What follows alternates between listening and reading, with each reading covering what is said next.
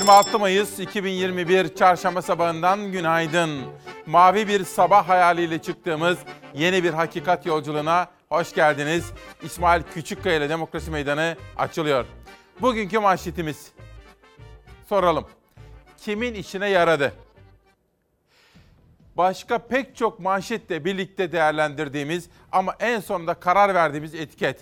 Hikayesini sizlere anlatacağım. Kimin işine yaradı? Hiç vakit yitirmeden önce hastalarımıza şifa, sonra cezaevlerine bir selam gönderelim. Onlar sevdikleriyle hem sağlıklı hem de özgür günlerde buluşmayı dört gözle bekliyorlar. Ve yine hiç vakit yitirmeden Tomakin'den rica ediyorum gazetelere başlıyorum. Hürriyet. Siyasette soylu gündemi. İçişleri Bakanı Süleyman Soylu önceki akşam televizyona çıkıp aleyhindeki iddialara yanıt verdi. Bakan Soylu Türkiye operasyon çekiliyor dedi. Soylu'nun yaptığı açıklamalar dün siyasetin gündemindeydi. Mesela MHP lideri Devlet Bahçeli çok net bir şekilde İçişleri Bakanı Süleyman Soylu'ya sahip çıktı. Hemen yanına baktığım zaman CHP lideri Kılıçdaroğlu iktidarı çok sert sözlerle eleştirdi ve gereğinin yapılmasını istedi. Soylu'nun istifasını istiyor ama aynı zamanda da erken seçim için bastırıyor CHP lideri. Bugün işte bu demokrasi meydanında çok detaylı olarak Habertürk'teki o yayının perde arkasına, ürettiği siyasal sonuçlara, parti meclis grup toplantı salonlarına neler yansıdı? Perde arkası bilgilerle aldığımız özel haberlerle işte ana gündem maddelerimizden birisi bu. Bir diğeri aşı. Dün buraya Gökhan Hotamışlıgil hocamız gelmişti Harvard'dan. Aşı karşıtlığına hiç anlam veremiyoruz. Bugün Milliyet Gazetesi randevular randevular neden boş manşetiyle çıkmış. İstanbul'da günde 170 bin doz açılan Covid-19 aşı randevularının en fazla 20-30 bininin dolması salgınla mücadelede hayal kırıklığı yaratıyor diyor Mert İnan'ın haberi. Bugün yeni doz, yeni parti aşılar da gelecek. Efendim tekrar ediyoruz. Aşı olma hakkı olup da aşı yaptırma sırası gelip de aşısını yaptırmayanın vay haline. Geçmiş olsun bu kadar. Kendinize iyi bakın. Hastaneler olarak aşı kapasitesini şu an sadece beşte birini kullanıyoruz. Bugün yaptığımız aşının beş katı hiçbir efor sarf etmeden şu an yapabilecek haldeyiz. BioNTech aşısının artık sadece hastanelerde değil birinci basamakta aile sağlığı merkezlerinin de yapılması için gerekli uygun ortamın olduğunu düşünüyoruz. Almanya'dan bugün içinde 14 milyon doz aşının gelmesi bekleniyor. Aşıları hızlıca uygulamak için hastaneler hazırlıklarını tamamladı. Alman aşısı artık 2-8 derecede bir aya kadar saklanabiliyor. Dolayısıyla aile sağlığı merkezleri de hazır bekliyor. Hatta Aydın pilot il seçildi. Aydın'daki aile sağlığı merkezlerinde uygulama sorunsuz gerçekleşirse hemen 81 ile yayılacak. Henüz bu konuda bize gelen resmi bir yazı yok. İstanbul İl Sağlık Müdürlüğü de bu konuyu sorduk dernek olarak. Ancak onlara da henüz resmi bir yazı ulaşmamış.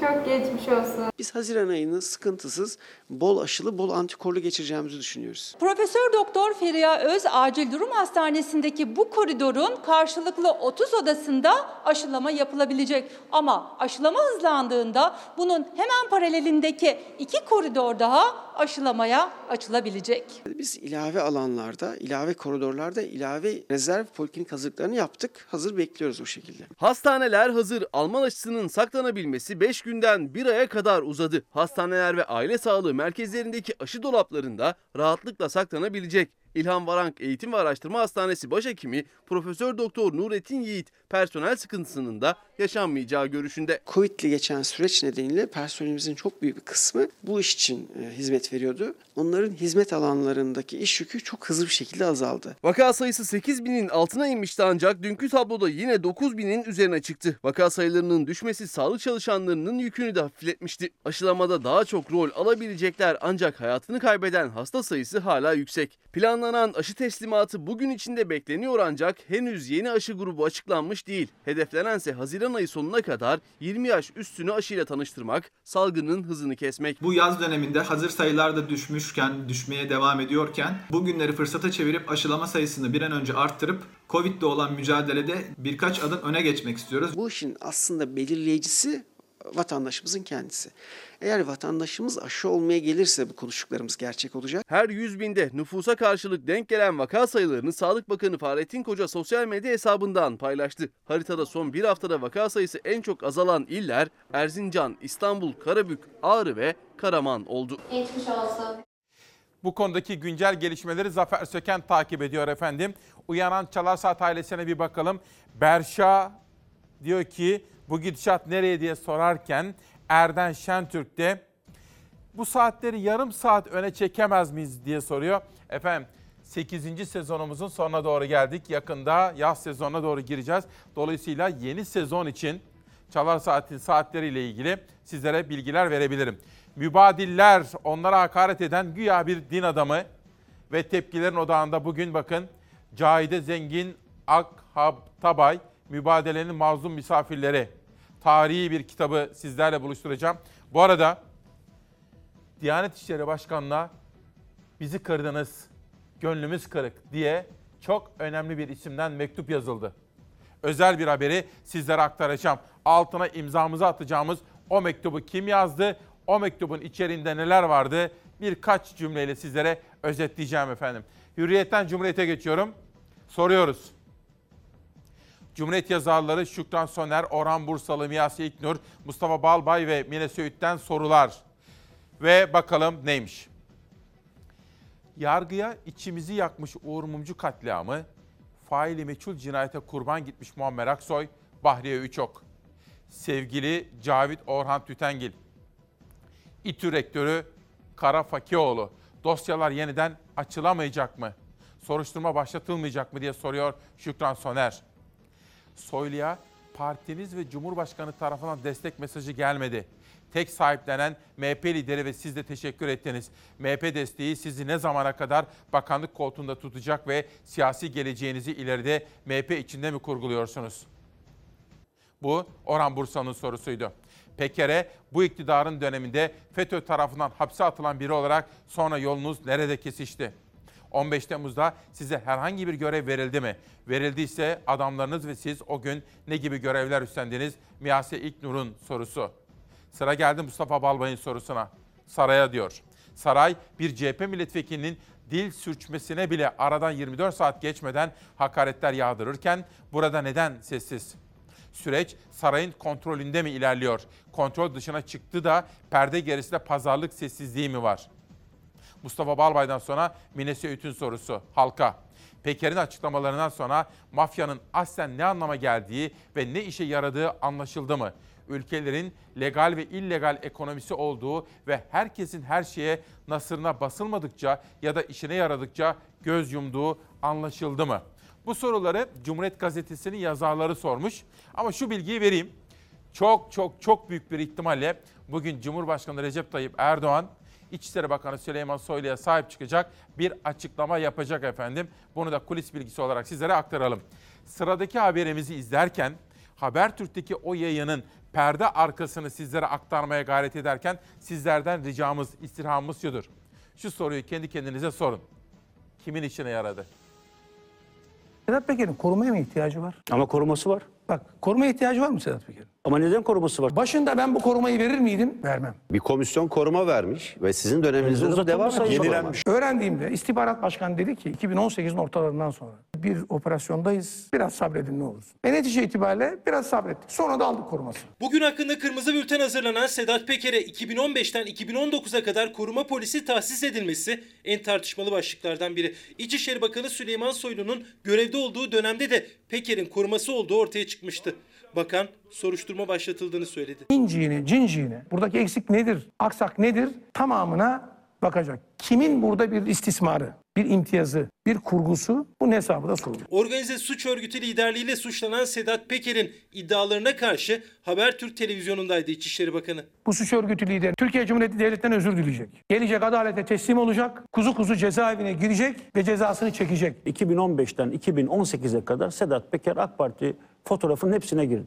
Yani mitingler yaptı, hepsinde alkış aldı. Mafya olduğu bilinmiyor muydu? Amacı ne? AK Parti'nin lehine midir, aleyhine midir? Bütün bunların tamamı organize suç mensuplarının bir takım yerel zafiyetlerden istifade ederek meşruiyet sağlamasına yöneliktir. Sedat Peker'in yıllarca miting meydanlarında AK Parti ve Cumhur İttifakı'na destek için konuşmalar yapmasını, AK Parti organizasyonlarında yer almasını partinin aleyhine olarak yorumladı İçişleri Bakanı. Peker'in AK Partili vekillerin isteğiyle karakolda eski bir milletvekilini dövdürdüğü ve Hürriyet gazetesini bastırdığına ilişkin iddiası da soruldu. Bu konuyla ilgili herhangi bir bilgim yok. Yani ben her kriminal olayı biliyor değilim. Kırmızı bülten çıkaramadınız mı henüz Sedat Peker'le ilgili? Garip bir şey yani. Todex'le ilgili iki buçuk saatte çıkardık. Peker'le ilgili müracaat ettik. Difüzyon denilen bir bölümü aldılar. İncelenecek. FETÖ'cülere de böyle yaparlar. Kırmızı bülten henüz çıkmadı dedi İçişleri Bakanı. Sedat Peker hakkındaki soruşturmanın 2018 yılında başladığı biliniyor. Ancak Peker'in bir yıl sonra 2019 yılında yurt dışına çıkışı da büyük soru işareti. Emniyetten dosya fezleke ile beraber adliyeye gitti. Adliyeden 3 gün sonra yurt dışına çıktı. O tarihten bundan 3 ay öncesine kadar İstanbul Emniyet Müdürü biz bu dosyayı ne yapacağız diye bana sorduğunda gereğini yerine getireceğiz dedi. O tarihe kadar bu dosyayla ilgili işlem niçin yapılmadı? Benim sorumluluğum yok yurt dışına çıkmasında. Bu yargının Bak ben böyle- sorumluluğu, yargının ihmali mi Bak, diyorsun? ben kimsenin ihmaldir ihmaldir demiyorum. İçişleri Bakanı tüm bu yaşananlar ve kendisiyle diğer isimler hakkındaki tüm iddiaların araştırılması için savcılığa başvurmuştu. Uyuşturucu ticaretiyle suçlanan Binali Yıldırım'ın oğlu Erkam Yıldırım da Sedat Peker hakkında suç duyurusunda bulundu. Bir arkadaşımız adı Fatih bana diyor ki kimin işine yaradı diyor. Efendim şöyle hani bazen kritik bir maça çıkarsınız. Size galibiyet değil, size beraberlik lazımdır. O maçtan beraberlikle ayrılırsanız siz istediğinizi almış olursunuz. Süleyman Soylu her ne kadar kamuoyunu tatmin edecek yanıtlar vermiş olmasa da her ne kadar gazeteci arkadaşlarımızın soruları yanıtsız kalmış olsa da her ne kadar format kötü olsa da Süleyman Soylu siyaseten istediğini şimdilik aldı. Ki Devlet Bahçeli'den çok net desteği de kopardı. Bugün de büyük olasılıkla Cumhurbaşkanı Erdoğan AK Parti'nin lideri de destek verecek. Siyaseten söylüyorum. Ama bundan sonraki amaçlar, adımlar bu iş nereye kadar gider? Bütün bu soruları da bu sabah soracağız. Cumhuriyet'ten aydınlığa geçiyorum. Aydınlık grubu da desteğini veriyor Soylu'ya. Canlı yayında soruları yanıtlayan İçişleri Bakanı, suç örgütü lideri Sedat Peker'in iddiaları ile ilgili bu asimetrik bir operasyondur dedi. Soylu, çalışmanın sadece dışarıda değil, içeride de yürütüldüğünü ve esas hedefin Türkiye'nin kararlı mücadelesini engellemek olduğunu söyledi. İşte öne çıkan vurgular diyor. Zaten efendim ilk 50 dakikada orta sahada top çevirdi Süleyman Soylu ve aslında o yayından almak istediği hedefi, ulaşmak istediği amacı ortaya koymuştu. Şuydu, Türkiye'nin istikrarı için AK Parti ile MHP'nin koalisyonu devam etmeli. Benim terörle mücadeledeki başarım devam etmeli. Ve bunun dışında da işte içeriye dışarıya mesajlar verdi. Bugün 11'e kadar bu konuları böyle perde arkası bilgilerle aktaracağım. Ama şu kadarını söyleyeyim. Soylu ortaya çıkan manzaradan memnun. En azından şimdilik. Geçelim. Ama gazeteciler tabii yaylım ateşi altında. O yayına çıkan gazetecilerle ilgili eleştiriler dün gün boyu da sürdü. Bir gün siz sussanız da biz soracağız diyor. İktidar, mafya, siyaset, ticaret üçgeninde açığa çıkan kirli ilişkileri geçiştirme arayışında ancak ortada yanıtlanması gereken çok soru var. Kamuoyu yanıt bekliyor. Bir, suç örgütü elebaşının itiraf ettiği mafyadan her ay düzenli olarak 10 bin dolar alan siyasetçi kim? Soylu bu soruya hayır öyle biri yok demedi. Ben bunu gideceğim savcı açıklayacağım dedi. Demek ki mafya liderinden ayda 10 bin dolar alan siyasetçi biliniyor. 2. Hürriyet gazetesi baskını için Sedat Peker'i arayan AKP'li isim kim? Telefon kayıtları neden incelenmiyor? Bu da önemli bir soru. Ben bunu bilmiyorum demişti Süleyman Soylu. Bu nedenle eleştiri konusu yapılabilir. 3. Hrant Dink suikastının sorumlularından Erhan Tunceli Sedat Peker'e kim emanet etti? 4. Çevre ve Şehircilik Bakanlığı'na çökmüş denilen Soylu'nun akrabası Sadık Soylu'ya dair iddialar neden araştırılmıyor? 5. 7 Haziran için bitmemiş seçim denildi. 1 Kasım seçimine giderken patlayan bombaların arkasında kim vardı? Bu da yakın dönemin en kritik sorusu. 6. Adalı cinayetinde Atilla Peker gözaltına alınırken Korkut Eken ve Ağar, Mehmet Ağar hakkında neden işlem başlatılmadı? Bu arada dün Korkut Eken'i Alaaddin Çakıcı'nın ziyaret ettiğine dair haberler ve fotoğraflar servis edildi kamuoyuna. Bu da son derece manidardı. 7. Peker'e koruma neden verildi? Suç örgütü elebaşısının Cumhur İttifakı adına mitingler yapmasına neden izin verildi? Bu da aslında yanıtsız kaldı. Şöyle, Süleyman Soylu sahte bir takım tehdit ihbar mektuplarıyla bir tezgahla koruma verildiğini söyledi ama bu kadar uzun süre nasıl koruma kaldı bu da yanıt bekleyen sorulardan biri. 8.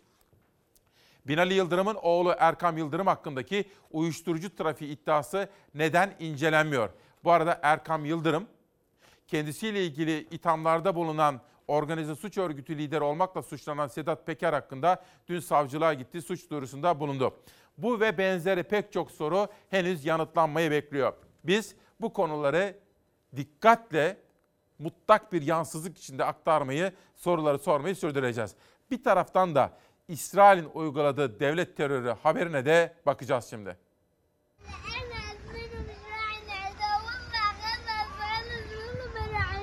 İsrail polisi 10 yaşındaki Filistinli çocuğu gözaltına aldı. Kız kardeşi ağlayarak abisinin serbest bırakılmasını istedi.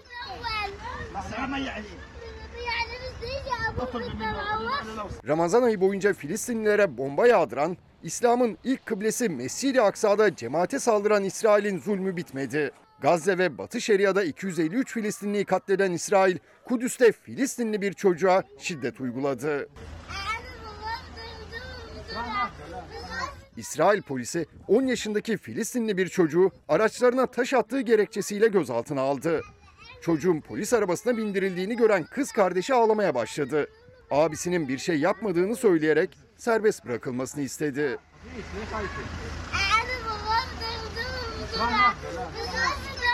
İsrail polisi çocuğu bir süre arabada tuttuktan sonra serbest bıraktı. Bu konuyu da yakından takip etmeyi sürdüreceğiz. Bunun dışında müftü meselesi var efendim. Tekrar ediyorum. O müftü konusunu takip edeceğiz. Sizlere söz vermiştim. Ve çok önemli bir isim Diyanet İşleri Başkanı'na mektup yazdı. Gönlümüz kırık dedi. Bu kadar geniş bir kesime nasıl hakaret yapılabilir? Biraz sonra o mektubu da anlatacağım sizlere. Meclis Başkanı da gereğinin yapılmasını takip ediyor. O kişiyle ilgili onu da bilgi olarak verelim. Ankara kulis bilgilerinden gelen bize detay böyle. Sözcü. 10 bin dolar alan siyasetçiyi açıkla. CHP lideri Kılıçdaroğlu bu çağrıyı yaptı. İçişleri Bakanı Soylu bir siyasetçinin suç örgütü lideri Sedat Peker'den her ay 10 bin dolar aldığını söyledi ama isim vermedi. Kılıçdaroğlu dün bu konuda iktidara seslendi. Bu siyasinin adını açıklayın kardeşim dedi ve ekledi. Savcı çağırırsa gidip adını verecekmiş. Hangi savcı? Memlekette savcı mı kaldı? Hepsi dilsiz, sağır ve kör. Erdoğan'dan talimat bekliyorlar. Memleket yangın yeri, saraya bak diyor. Bu sözler de Kılıçdaroğlu'nun. Biraz sonra da Devlet Bahçeli'nin Süleyman Soylu'ya net ifadelerle sahip çıktığı açıklamalarını sizlere aktaracağım. Bir de 8 yıldır her sabah olduğu gibi mutlaka bilinç ve farkındalık oluşturmak istediğimiz temel hususlardan biri. iklim bozulması ve bizi bekleyen tehlike, kuraklık. Burada yüzlerce binlerce yaşayan su canlısı öldü. Şu anda insanlar da kuraklıktan, susuzluktan ölmek üzere can çekişiyoruz. Borcumla icraya verecekler. İcraya verecekler. Vallahi billahi mahvolduk biz. Mahsulümüz burada. Ee, her tarafa borcumuz var. Herkes icralık durumda. Kesinlikle biz hakkımızı helal etmiyoruz. Mahsul tarlada kaldı. Türkiye'nin belirli bölgelerinde çiftçi hiç hasada girmedi. Bu sezon tarlayı sürdü geçti. Kuraklık nedeniyle yapılan masraf toprağın altında çiftçinin eli boş kaldı. Bir senede 5 ton mazot yakıyorum ben. Geçen seneden beri hadi şeyiz diye idare ediyorlar. 1 lira para vermedim daha iyi bak. 5 yıl sonra artık Küçük Menderes'de sulu tarım maalesef bitecek. Küçük Menderes Ovası'nda Süt Kooperatifi Başkanlığı yapan Mahmut Eskiyörük 5 yıl süre verdi sulu tarım için. Kuraklık ne bugün başladı ne de yarın bitecek. Tarım ülkesi Türkiye'nin kuraklık sorunu bugün çiftçiye yarın tüm Türkiye'ye kaybettirecek dedi. En etkili çözüm atık suları tarımsal sulamaya dönüştürmek. Bir damla yağmur suyunun dahi denizi göndermeyecek yeraltı barajları, göletler daha çok ağırlık verilmeli. İlk defa bu sene değil, 5 senedir böyle. Oralarda masa başlarında oturarak çiftçinin derdi dinlenilmez. Hepimizin içinden geldiği Anadolu köylüsü mahsul olmadığı zaman, kuraklık olduğu zaman hem kendi açtı hem de hayvanı açtı. Şimdi son 20 yılda yapılan bu yatırımlar sayesinde Anadolu köylüsü para kazanıyor, bereketine bereket katıyor. Tarım ve Orman Bakanı Bekir Pakdemirli, Reyhanlı Barajı takviye tesisinde incelemelerde bulundu. Amik Ovası'nda 600 bin dekar tarla sulanacak, 50 binin üzerinde ilave istihdamın önünü açacak dediği tesisin 2022 yılında çalışmaya başlayacağını söyledi. Türkiye'nin dört bir tarafındaki çiftçidense yaşadıkları kayıpların haberleri geldi. Burada 100 kiloluk balıklar yaşardı. Ve binlerce canlı da öldü. Şu anda binlerce dönüm arazimiz susuzluktan ölüyor. Hiç kimsenin duyduğu yok. Yetkililerin kulak astığı yok. Polatlı'nın köylerinde üretim yapan çiftçi susuzluğun geldiği boyutu kurumuş nehir yatağında gösterdi. Sakarya Nehri'nin pek çok kolu bu durumda. Çaylar kurudu. Çiftçi kuyu açmak zorunda kaldı. Kuyuların her biri için on binlerce lira masraf edildi. Yeraltı suları artık her geçen yıl çekili çekili şu an dibe vurdu. Ee, çok az bir su tabakası kaldı. O da belli yerlerde. İnsanlar da o suyu bulabilmek için şimdi ee, tarlasını delik deşik ediyorlar. Çiftçiler çaresiz ne yapsın o suyu bulmak zorunda. Ankara'nın köylerinde de Küçük Menderes Ovası'nda da Denizli Aydın'da da durum benzer. Nehirler kuruyor. Yeraltı su kaynakları da dibi görüyor. Geçen yıl bildiğiniz gibi ciddi bir meteorolojik kuraklık yaşadık. Ama bu barajlarımız ve takviye tesislerimiz ve sulama tesislerimiz sayesinde de e, meteorolojik olan kuraklığı tarımsal kuraklığa çevirmedik. Hakeza geçen yıl bu kuraklığa rağmen Cumhuriyet tarihinde üretim rekorlarını kırma şansımız oldu. Ne desteği çiftçiye ya? Sen bana vereceksin mazot 7 milyon olmuş gübre 230 milyon. Nesini halal edeceksin? Bana 3 kuruş para veriyor verme dahi. Sakarya'nın bu hale gelmesinde e, iki neden var. Bunlardan bir tanesi e, bilinçsiz ve zalimce kullanılan su. İkincisi devlet su işlerinin su yürütme, su yönetim politikasının olmayışı. Üreten su politikası dedi, çektiği sıkıntıya çözüm de sundu. Muhalefet vekillerinin eleştirisi ise sisteme yönelik. CHP İzmir Milletvekili Kamil Okyay Sındır, parası peşin ödenen kuraklık dedi adına. Dünyanın neresinde görülmüş üreticinin su parasını peşin verdiği, sonra da suyu bulamadığı. 275 baraj olan sayımızı 875'e çıkardık son 20 yılda. Bu inanılmaz bir performans. Bakan yatırımlar konusunda tatmin açıklamalar yapıyor. Üretenlerse öneriyor. Vahşi sulama yasaklansın, damlama sulama yapanın kuyusuna ruhsat kolaylığı sağlansın, ürün deseni bir sisteme bağlansın diyorlar. Tek çare ürünü suya göre seçmekle de bitmiyor. Şu an devlet bütün fazla su tüketen sanayilere, organize sanayilere, belediyelere atık sularını e, tekrar arıtıp tarımsal sulamaya uygun hale getirmeyi şart koşmalı. Kuraklık Türkiye'nin temel meselelerinden biri. Herkes konuşsun isteriz. Biz boşuna 8 yıldır her sabah tarım ve üretici Türkiye demiyoruz. Rahmeti Ecevit'i boşuna anmıyoruz. Köy kent projeleri başta olmak üzere. Köylüyü toprakla suyla buluşturmak. Bunları konuşmamız gerekiyor. Bu arada Çağdaş kardeşim bana diyor ki abi bugünkü etiketin bana Mahir Hoca'yı hatırlattı diyor bakın. Mahir Kaynağ'ın sözüdür biliyorsunuz. Ne diyor? Bir olay olduğu zaman çok kısa bir şekilde düşünmek lazım. Kimin işine yarar, kimin işine yaradığını bilirseniz kimin yaptığını da aynı adreste bulabilirsiniz diyor rahmetli Profesör Doktor Mahir Kaynak.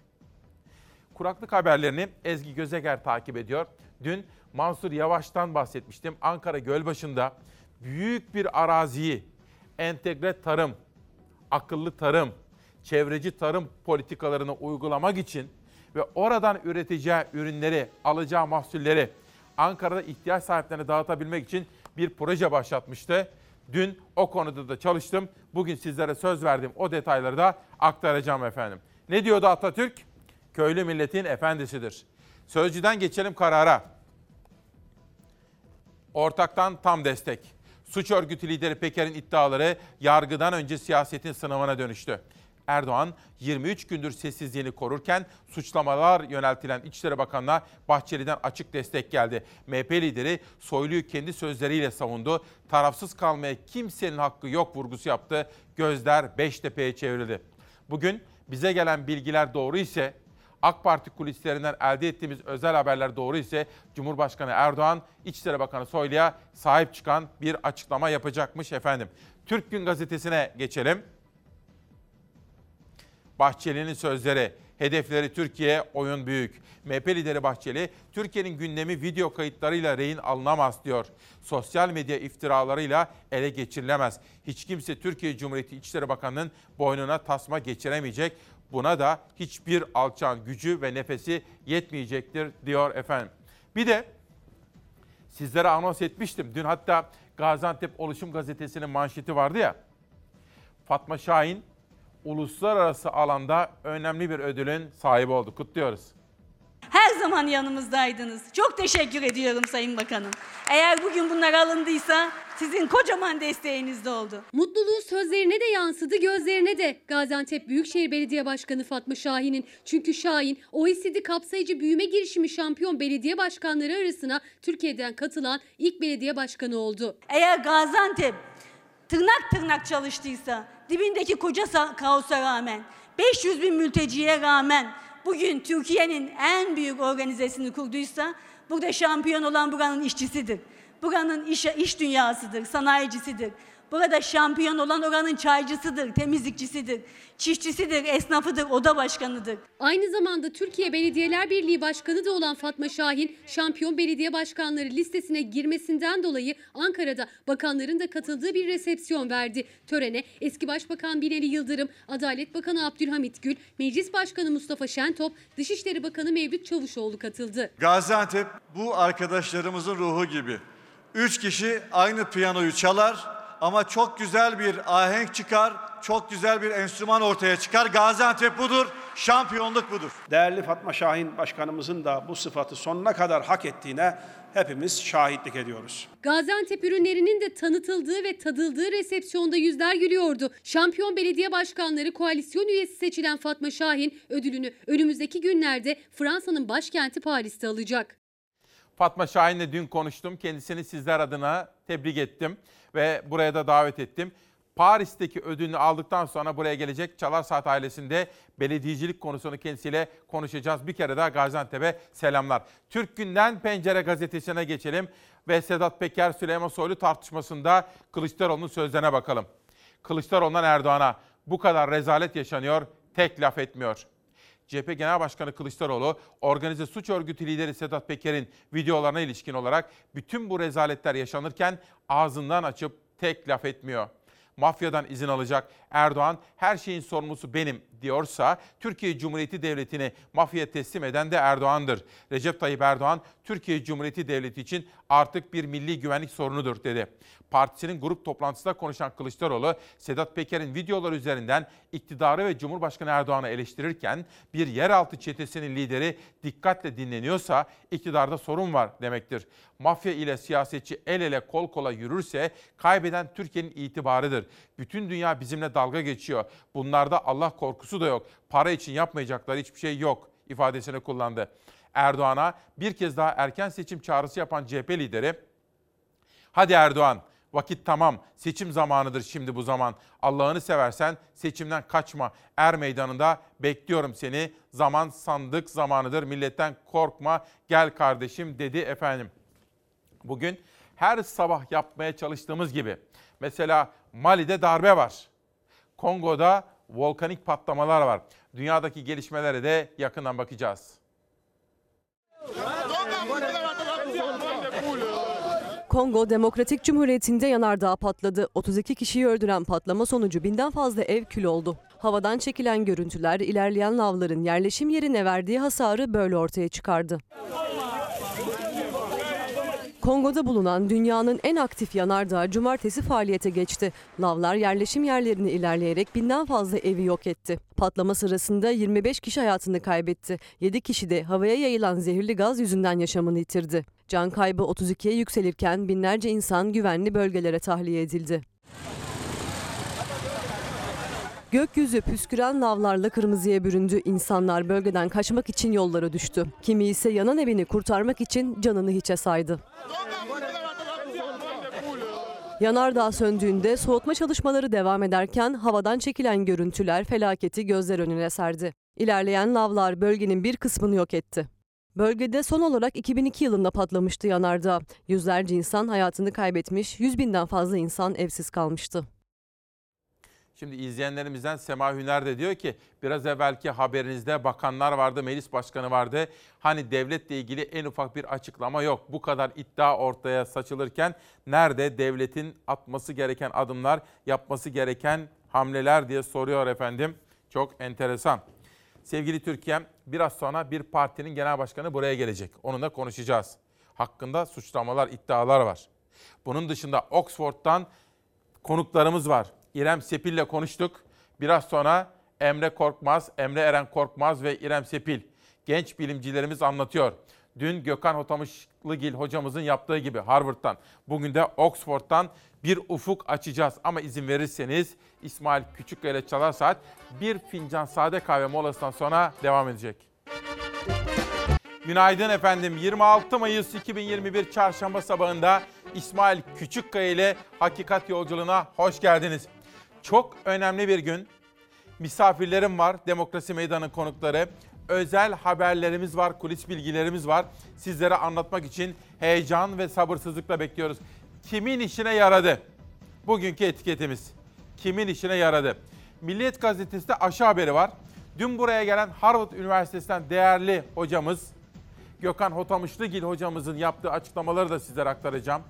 Rütük Başkanlığı'nın, Cumhurbaşkanı Erdoğan'ın da katıldığı İslam karşıtlığı konusundaki özel oturumdan da bahsedeceğim. Bir iş adamının gönlümüzü kırdınız diyerek Diyanet İşleri Başkanı'na yazdığı mektuptan da bahsedeceğim. Ama önce Türkiye'nin Sedat Peker ve Süleyman Soylu meselesinde Habertürk'te ortaya çıkan gelişmeleri konuştuğunu biliyorum. İşte manşetlerden biri. 8 kuşağında Kılıçdaroğlu'nun 10 bin dolar alan, organize suç örgütü liderinden 10 bin dolar aylık alan siyasetçi kim şeklindeki sorusunu sizlere sormuştum.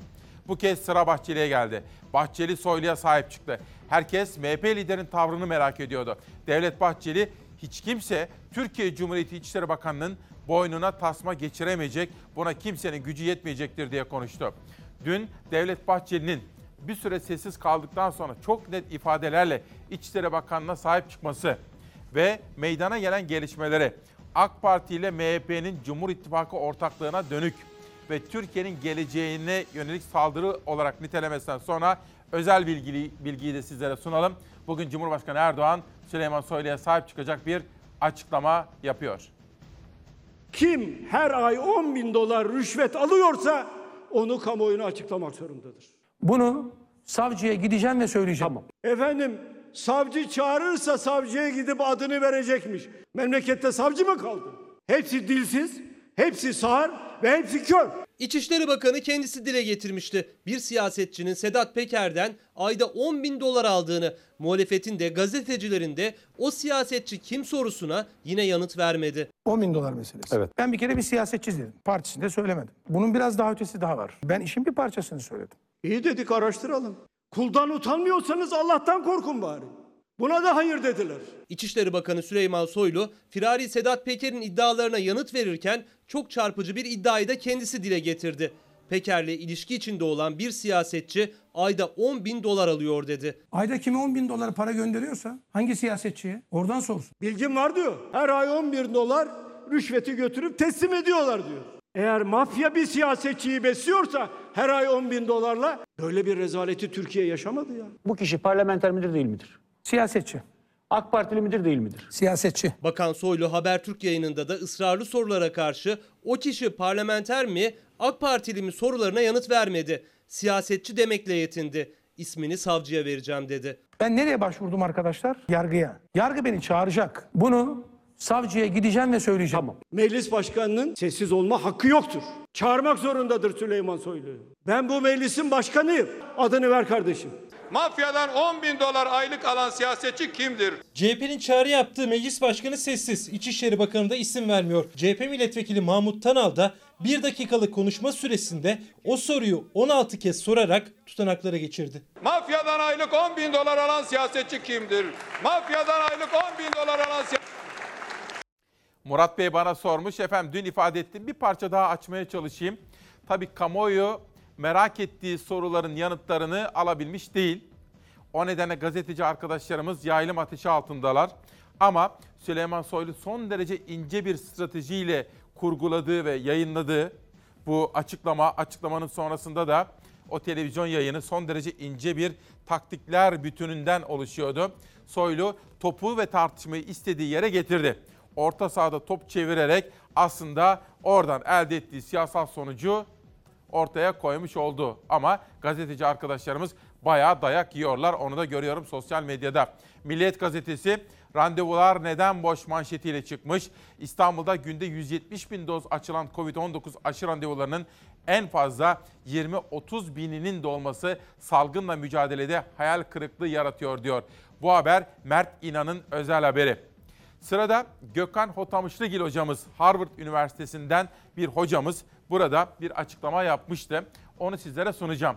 Ondan hemen sonra bir müftü, bir din adamı, bir din adamı başka kişileri, başka toplumları yalan yanlış bilgilerle, cahilce ve üstelik hadsizce hakaret ederek eleştirebilir mi? İki gündür bu konuda haberler aktarıyorduk. Cumhurbaşkanlığından gelen bilgiler bize Cumhurbaşkanı'nın da o kişiye çok kızdığını, Meclis Başkanı'nın da devreye girdiğini aktarmıştım. Ve özel bir haberi bu manşetin dışında manşetten dönüşte sizlere aktaracağım. Bir isim, önemli bir isim, kamuoyunun çok yakından tanıdığı önemli bir isim, gönlümüzü kırdınız diyerek o müftüyle ilgili tepkisini Diyanet İşleri Başkanı'na yazdığı bir mektupla ifade etti. Haberden dönüşte o kişinin ve o mektubun kim olduğunu sizlere anlatacağım. Okul sisteminin, öğrencilerin artık e, kayıplarını daha fazla tolere etmelerine imkan yok. Fakat bunun açılması için belli bir güvenlik eşiğinin oluşması gerekiyor. Ve e, kendimizi tekrarlıyoruz ama bunun da tek tek tek çözümü aşı. E, şu anda sonbaharda örneğin yine e, benim bulunduğum eyaletten ya da e, yakın eyaletlerden bahsedersek örneğin Harvard Üniversitesi Eylül'de bütün dershanelerini açacak. Temmuz ayında bütün laboratuvarlarını açacak. Yüzde. E, Yüz yüze ve biraz önce sö- söylediğim gibi önümüzdeki hafta Massachusetts'te bütün yasaklamalar ve kısıtlamalar kalkıyor. Maske de Maskede yok. dahil olmak üzere. Zaten şu anda pek çok üniversite yüz yüze eğitimin başlaması için aşı e, yapılmasını zorunlu olarak talep ediyor. Yani başlayacak olan Eylül'de üniversitelerin, üniversite öğrencilerinin aşılı olmasını talep ediyor ve bu aşıyı da kendisi de tedarik ediyor sağlık sistemleri Vay be, e, güzel. ve e, eyalet e, desteği altında. Dolayısıyla yani okulların açılma, yüksek öğrenimden bahsedersek e, zamanı geldi e, salgını kontrol eden ülkelerde. Bizim ülkemizde de gelebilir. Söz, biraz önce konuştuğumuz gibi. Eğer sözü edilen aşı miktarları Türkiye'de uygulanabilirse yaz aylarında sonbaharda okullar rahatlıkla açılabilir. E, ve ben onun önünde hiçbir engel görmüyorum. Ortaokul, lise, ilkokul. Ortaokul, lise, ilkokul e, için e, şu anda böyle bir e, tabii zorunlu kural çizgisi yok. Fakat orada da arzu edilen bütün öğretmenlerin Aşılanması. aşılanması. Çünkü e, görülen yani şu andaki risk profilinde en çok öğretmenler risk altında e, bulunanlar e, çocuklardan ziyade. E, zaten çocukların evlerine döndükleri zaman yine aşı kampanyasının sağlıklı olduğunu düşünüyor, düşünürsek evlerinde karşılaştıkları insanlar da aşılı olacaklar. Dolayısıyla bu e, en azından bu iki kısım halledilebildiğinde salgının yayılımı büyük ölçüde e, durdurulmuş oluyor. E, zaten şu anda e, 12 yaşına kadar inmiş durumda. E, Amerika şu anda 12 yaşından itibaren aşılıyor. Ve şu ana kadar yapılan deneyimde de e, hatta daha da iyi gözüküyor erişkinlerden. E, çocuklar zaten çok e, toleranslılar e, e, hastalığın kendisine. E, tek orada e, açık kalan şu anda henüz bilinmezliği e, olan e, ilkokul dönemi. E, fakat büyük çoğunluk e, ilkokul e, ilkokulların açılmasını, öğretmenlerin aşılanmasıyla bu işin e, bir artık e, tehlike teşkil etmeyeceğini düşünüyor. Çok iyi. Ben de öyle düşünüyorum açıkçası. Güzel, sevindim. Şimdi Türkiye çok uzun zamandır vakit kaybediyor efendim. Patinaj yapıyoruz. Hatta geriye gidiyoruz. Kısır tartışma ve kısır çekişmelerle kutuplaşmış bir toplum yapısı içerisinde ufkumuzu karartıyorlar. Buna izin veremeyiz. O nedenle ben bir süredir bilim dünyasından da haberleri sizlere aktarmaya gayret ediyorum. İşte dün Oxford Üniversitesi'nden İrem Sepil'le de konuştum. Emre Eren Korkmaz hocamızla birlikte dünyadaki farklı üniversitelerde Çocuklarımız, gençlerimiz neler yapıyor? Biraz sonra özel yayınla İrem Sepil'le birlikte burada konuşacağız. Ve o müftü meselesi. Bir din ve diyanet işleri görevlisinin böylesine hadsizce konuşması haklı olarak hepimizi kırdı, üzdü. Cumhurbaşkanının da buna tepki gösterdiğini sizlere aktarmıştım. Keza Meclis Başkanı da. Fakat o hadsiz kişinin, güya din adamının yaptığı açıklamalar geniş kesimleri, mübadilleri kırdığı gibi orada ismi geçen bir isim daha vardı Ali Koç. Ben Ali Koç'un basın ve medya bölümünde çalışan arkadaşlara ulaştım. Dedim ki Ali Bey'in burada bir açıklaması olacak mı? Bildiğimiz kadarıyla hayır dediler. Kendisine bir sorar mısınız dedim. Sordular döndüler. Gönül kırıklığını ifade eden bir yazı kalemi almış Ali Koç Diyanet İşleri Başkanı'na. Bundan bahsedebilir miyim dedim. Özel görevli arkadaşlarına, medya bölümündeki arkadaşlarına. Bir daha izin aldılar. Bir bölümünü kamuoyunun da merak ettiği için ve özel izin aldım efendim. Gösterdikleri anlayış için de teşekkür ediyorum. İşte çalar saat farkıyla bugünkü manşetimiz. Ali Koç Diyanet İşleri Başkanı diyor ki, kutsal mekanımız olan camilere bu nefret söylemini taşımak hem de tamamen yalan yanlış bilgilerle ve iftiralarla bunu yapmak hem çok üzücü hem de ürkütücü. İnsanlığın barışını savunması gereken, bu zor günlerde umut aşılaması ve birleştirmesi beklenen bir din görevlisi nasıl bu kadar sorumsuzca davranabilir? İnanın bir cevap bulamıyorum. Dünyanın çok uzun zamandır karşı karşıya olduğu bir diğer salgında nefret söylemi ve ne yazık ki bu salgınla mücadele edebileceğimiz bir aşı yok. Ancak hep birlikte bu kişilere asla geçit vermeyerek, nefret söyleminin olağanlaşmasına müsaade etmeyerek ve tolerans göstermeyerek anlamlı bir yol alabiliriz. Bu her şeyden önce çocuklarımıza karşı sorumluluğumuzdur diye düşünüyorum. Ali Koç, Diyanet İşleri Başkanı'na yazdığı mektubunu şöyle sonlandırıyor. Kul hakkına girmeden, yalan söylemeden, iftiradan sakınarak yaşama sorumluluğuna sahip bir ailenin temsilcisi olarak derinden hissettiğim gönül kırgınlığımı sizinle paylaşmak istedim diyor. Mektubun yalnızca benim ulaşabildiğim bir bölümü bu şekilde. Bu arada dün iki gündür sizlere duyurduğum Rütük Başkanı Ebu Bekir Şahin'in de çok önem verdiği bir konferans, bir sempozyum vardı. O da İslamofobi. Yani dünyada her geçen gün etkisini artıran İslam karşıtlığına ilişkindi. Aslında bu iki haber peş peşe gelince semavi dinlerdeki o kutsal anlayışın, Yaradan'ın bizlerden istediği, işte bakın ne diyor? Kul hakkı yemeden. En önemlisi bu. Başkalarını itham etmeden efendim. İşte o kişi nasıl din görevlisi oldu ben hala bunu anlamış değilim. Şu o kadroya bakın. Yüzde doksanı Selanik göçmeni ve sabatalist. Ne demek sabatalist? Müslümanlığa girmiş gözüken Yahudiler. Aslında Müslüman değil. Sayın Cumhuriyet savcılarımızı göreve davet ediyoruz.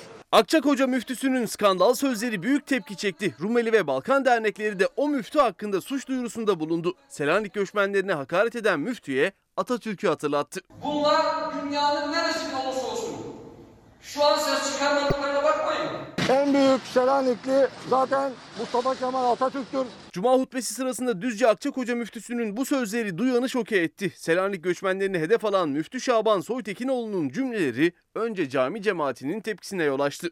Diyanet o müftü hakkında inceleme başlattı. İnceleme tamamlanana kadar görevden uzaklaştırdı. Ardından Karasu Cumhuriyet Başsavcılığı Müftü Soytekinoğlu hakkında halkı kim ve düşmanlığa tahrik suçlamasıyla soruşturma başlattı. Ülkemizde yaklaşık 20 milyon Balkan Selanik kökenli Türk bulunmaktadır. İzmir, Rumeli ve Balkan dernekleri de Akçakoca müftüsü hakkında suç duyurusunda bulundu. Selanik göçmenlerinin en büyüğü Atatürk'tür diyerek. Ülkenin kurucusu Mustafa Kemal Atatürk'ün ve de Selanik Türk olduğu ve bu güzel ülkemizi emperyalist devletlere yedi düvele karşı savaşarak işgalden kurtardığı, özgürlüğüne ve bağımsızlığına kavuşturduğu ve dünyadaki tüm mazlum halkların önderliğini üstlendiği unutulmamalıdır.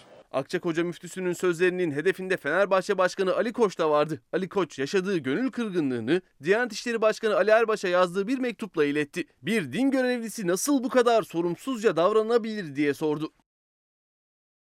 Ali Koç'un mektubunun altına imzamı atarım efendim onu söyleyeyim. Bu haber, bu haber Zafer Söken imzası taşıyordu. Zafer'in dışında bugün Beyza Gözeyik ve Ezgi Gözeger haber yaptı. Editörlüğümüzü her sabah olduğu gibi Ezgi Gözeger, danışmanlığımızı da Nihal Kemaloğlu yaptı. Katkılar için teşekkür ediyorum. İlerleyen dakikalarda bütün ekip arkadaşlarıma tek tek teşekkür etmeyi bir borç biliyorum. Gelelim pencereye. Atilla Peker ifade verdi. Kutlu Adalı'yı öldürmek için Korkut Eken'le Kıbrıs'a gittik.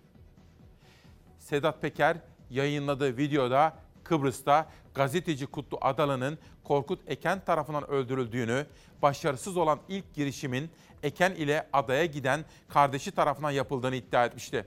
Video yayınlandıktan sonra gözaltına alınan Atilla Peker'e ruhsatsız silah bulundurmaktan işlem yapıldı ama Adalı cinayeti sorulmadı. Atilla Peker, Korkut Eken'le birlikte Kıbrıs'a cinayet için gittikleri bilgisini savcılığa ancak dün verebildi. Bunun üzerine Sedat Peker Soylu'ya Eken ve Ağar'ı gözaltına alıp alamayacağını sordu. Dün gazeteci arkadaşımız Alican Uludağ çok başarılı bir muhabir. O bu konuları da takip ediyor. Çok farklı detayları kamuoyunun bilgisine getirdi. Özellikle Atilla Peker'in savcılıkta verdiği ifadeden daha doğrusu alınmayan ifadesinden de yola çıkarak bazı özel bilgileri aktardı. Bu arada dün ilginç bir gelişme meydana geldi. Alaaddin Çakıcı'yı dün Korkut Eken'i Antalya'daki evinde ziyaret etti. Ve bu ziyarete ilişkin bilgi ve fotoğrafı da Alaaddin Çakıcı'nın yakınları paylaştılar. Korkut Eken biliyorsunuz ben bu tiplerden hoşlanmıyorum demişti Süleyman Soylu Habertürk'teki yayında.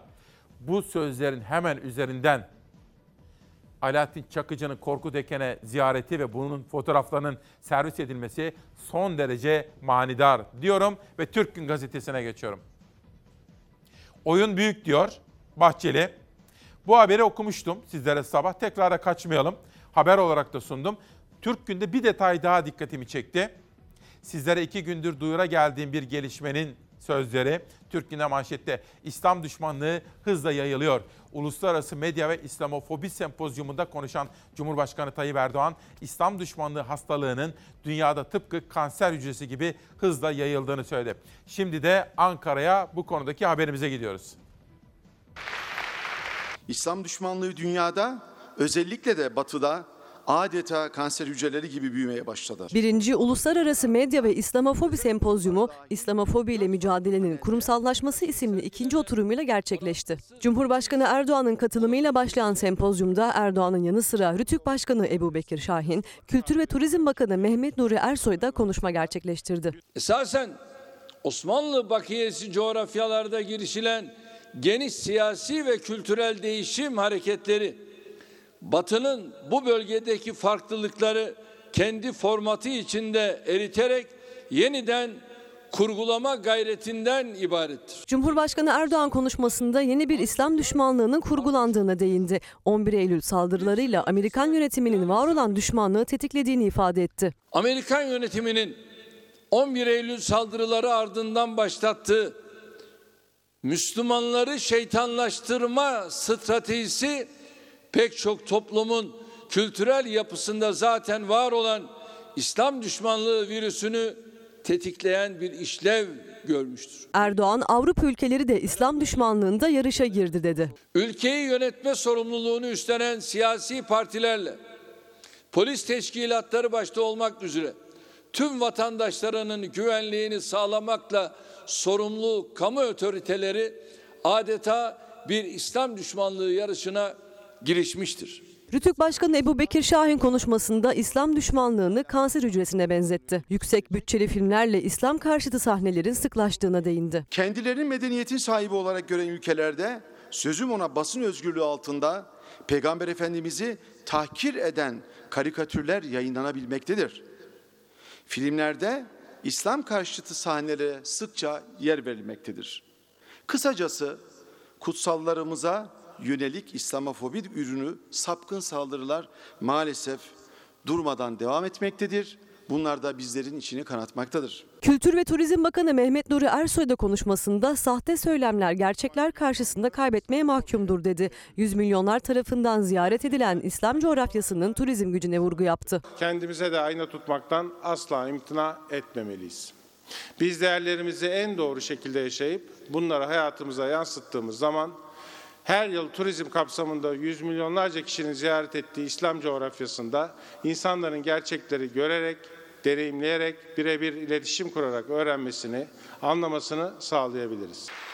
Efendim biz de Kültür ve Turizm Bakanımız Sayın Mehmet Bizim dinimiz de diğer semavi dinlerde aynı talimatları verirler efendim. İyi insan olacaksın. İşin özü bu. Güzel ahlaklı olacaksın. Kul hakkı yemeyeceksin. Ali Koç'un Diyanet İşleri Başkanı'na yazdığı mektuptaki gibi. Başkalarını itham etmeden iyi düşüneceksin. Çalmayacaksın. Kul hakkı yememek bakın en önemli husustur, değerdir. Şimdi pencereden bir başka detay bakalım ne geliyor. Heh, biraz önce AK Parti'den, CHP'den, MHP'den bahsetmiştik. Dün HDP'nin de grup toplantı salonunda Pervin Buldan konuşmuştu. Hemen seçim istemiş. HDP eş genel başkanı Pervin Buldan'ın gündeminde de Sedat Peker'in iddiaları vardı. Pervin Buldan, ülke tam anlamıyla yangın yerine dönmüş durumda. Ortaya saçılan pi- pislikler, hırsızlık, yolsuzluk, ahlaksızlık, mafya düzeni, yalan, talan, haram almış başını gidiyor dedi. Pervin Buldan iktidara seslenerek ilk yapılması gereken Türkiye'nin derhal erken seçime gitmesidir ifadelerini kullandı. AK Parti'den, CHP'den, MHP'den bahsettik. İyi Parti'nin bugün grup toplantı salonunda Meral Akşener konuşacak. Sıra geldi HDP'ye. Türkiye bu mafyalaşmış ve çeteleşmiş düzenle bir gün dahi birlikte yaşayamaz. Aldığımız nefese kadar fezleke düzenleyen savcılar neredeler? Organize suç örgütü lideri olmakla suçlanan Sedat Peker'in iddiaları siyasetin gündemini ısıttı. Muhalefet iddialar araştırılsın çıkışı yaptı. HDP grubundan da araştırma komisyonu kurulsun önerisi dillendirildi. Bu iddialar dünyanın başka bir yerinde olsa yer yerinden oynardı. Buradan parlamentoya ve muhalefete özellikle çağrı yapmak istiyorum. Derhal hakikatleri araştırma ve soruşturma komisyonları kuralım ve bir an önce çalışmalarını başlatalım. Partisinin grup toplantısında konuşan HDP eş genel başkanı Pervin Buldan, Peker'in iddiaları sonrası bir kez daha erken seçim çağrısı yaptı. İlk yapılması gereken ülkenin derhal ama derhal bir erken seçime gitmesidir sevgili arkadaşlar. HDP olarak erken seçim çağrımızı bir kez daha bugün buradan yineliyoruz. Türkiye acilen erken seçime gitmelidir. Son günlerde çok konuşulan muhalefetin seçim kazanması durumunda HDP'ye bakanlık sözü verildiği iddiasına da değindi Pervin Buldan. Yok bakanlık pazarlığı yapılmış, iki tane bakan sözü verilmiş, bilmem ne yapılmış. Atıyorlar, tutuyorlar sevgili arkadaşlarım. Öncelikle halkımıza ve kamuoyuna şunu özellikle vurgulamak isterim. Bu tartışmaların hiçbirine itibar edilmemeli ve dikkate alınmamalı. Ekonomi üzerinden de iktidara eleştirileri vardı HDP eş genel başkanının. Petrol ve LPG'ye yüzde 54 ile yüzde 189 arasında özel tüketim vergisi zammı geldi. Yani ücretsiz dedikleri aşının parasını yine halkın cebinden çıkartacaklar. Esnafa yapacakları yardımı yine bu zamlardan çıkaracaklar. Halka kaşıkla verip kepçeyle aldıklarını bir kez daha bu zamlarla ortaya koydular. siyasetin gündeminden tarımın gündemine de gideceğiz. Mansur Yavaş'ın Ankara'daki projesinden sizlere söz vermiştim. Ona ondan bahsedeceğim efendim. Bu arada Aslı Hanım diyor ki o müftü daha doğrusu o kişiyle ilgili bir tepkisini dile getiriyor. Bir din adamı böyle davranabilir mi diye sorarken Abdülkadir de ben HDP'liyim. İki bakan tartışmasını ibretle izliyorum. Ortada böyle bir şey olduğunu sanmıyorum. Ama biz AK Parti döneminde iki bakan vermedik mi diyor. Çok enteresan bir mesaj. Öyle değil mi? Ne dersiniz? Bakın hakikaten Adalet ve Kalkınma Partisi o seçime mi gidiyorduk? Ye- 7 Haziran'dan sonra seçim hükümetine gidiyorduk. AK Parti'nin teklifi vardı. Cumhurbaşkanı'nın mektupları vesaire değil mi? İki tane HDP çok iyi hatırlattı Abdülkadir Bey. Teşekkür ediyorum. Bak tamamen unutmuşuz. İki bakan yok muydu diyor HDP'li diyor. Son derece dikkatli bir izleyenimin yolladığı mesaj. Aydın. Ve Savaş Yıldız kardeşimle birlikte de yerel gazeteleri seçtik. Yeni Pazar'da çiftçilerin su isyanı. Aydın'ın Yeni Pazar ilçesine bağlı Derecik mahallesinde ikamet eden çiftçiler kuraklık nedeniyle baraj kapaklarının açılmadığını, ekili arazilerini sulayamadıklarını söyleyerek eylem yaptılar. Aydın'dan Diyarbakır'a geçiyorum. Diyarbakır'da yaklaşık 250 bin öğrenci eğitimden uzak kaldı. Eğitim Birsen Diyarbakır Şube Başkanı Ramazan Tekdemir, kentte yaklaşık 250 bin öğrencinin eğitimden uzak kaldığını söyledi. Akdeniz'e geçiyorum, Mersin'e. Güneydeyiz. Orada bir EBA var uzakta. Görüyorsunuz Diyarbakır'dan Mersin'e memleketin manzarayı, umumiyesi yani genel görünümü aynı. Eğitimdeki adaletsizlik verilere yansıdı. 4 milyon öğrenci uzaktan eğitime ulaşamadı diyor. Gelelim Eskişehir'e. Türkiye'nin ilk kedi müzesi hazır. Büyükşehir Belediye Başkanı Yılmaz Büyükerşen'den müjde. Açtığı müzeler ve kültür sanat kompleksleri Eskişehir'i Türkiye'nin bu alanda önemli kentlerinden biri haline getiren Büyükşehir Belediye Başkanı Profesör Doktor Yılmaz Büyükerşen'in sözleri ve kedi müzesine ilişkin sevinci manşetlerde. Karadeniz'e çıkıyoruz.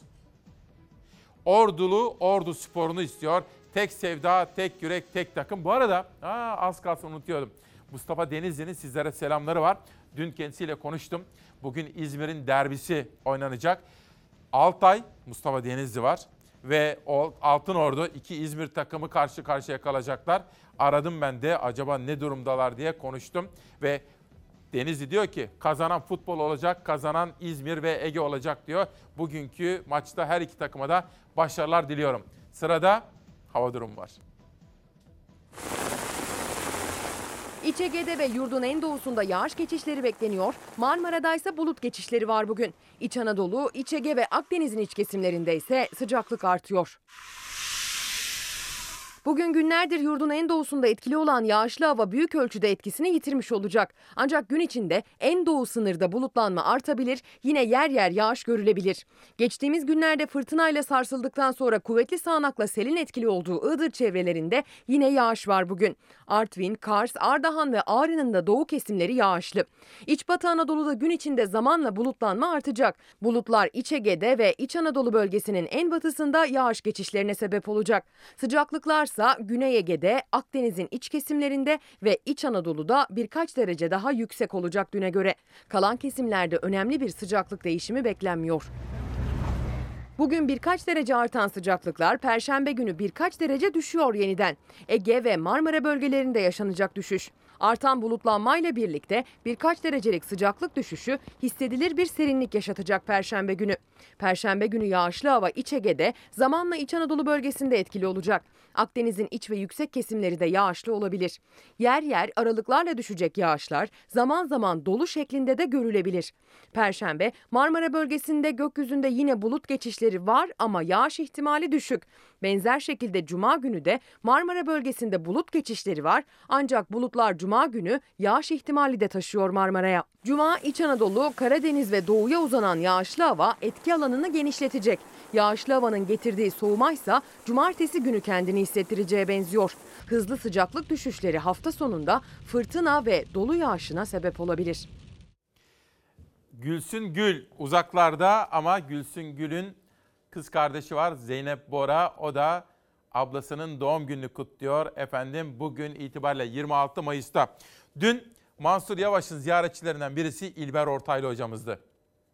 Halini hatırını sormak için aradığımda Mansur Yavaş'ın yanından çıkmıştı. Biraz sonra sizlere Mansur Yavaş'ın Ankara'daki o organik tarım, yeşil tarım ve akıllı tarım projesinden, entegre projesinden bahsedeceğim efendim. Hazır İlber Ortaylı demişken Serhan Güngör, Gezgin Göz, Sınır Ötesi Türkiye Mirası Rehberi. Kronik yayınlarından çıkmış ve İlber Ortaylı hocamız da tarihin ve zamanın izini sürmek bir kültür rehberi arkasında bir yazısı var hocamızın efendim. Hocamızın da sizlere siz Çalarsat ailesine selamları var. Biz üreticinin her zaman yanındayız. Girdi maliyetleri aşırı yükseldi. Süt üreticisi zarar ediyor. Ulu Kuşça'nın Japonya'ya kadar gönderdiği kirazı İngiltere Kraliçesi'nin masasında bulunan kirazını bu yıl %70'lere yakın ürün kaybına neden olacak. Farklı dallarda üretim yapan çiftçi muhalefete derdini anlattı. CHP Niğde Milletvekili Ömer Fethi Gürer, Niğde Ulukışla'da kiraz üreticisinin kaybını yerinde inceledi. Mersin Milletvekili Cengiz Gökçel ise süt üreticisinin bugün kazanamamasının gelecekte neden olacağı sıkıntılara dikkat çekti. Gerekli olan damızlığı da bulamayacağız. Süt üretmek için damızlık bulamayacağız. Zaten ithalatçı bir ülkeyiz bu anlamda. Daha çok ithalat yapmak zorunda kalacağız.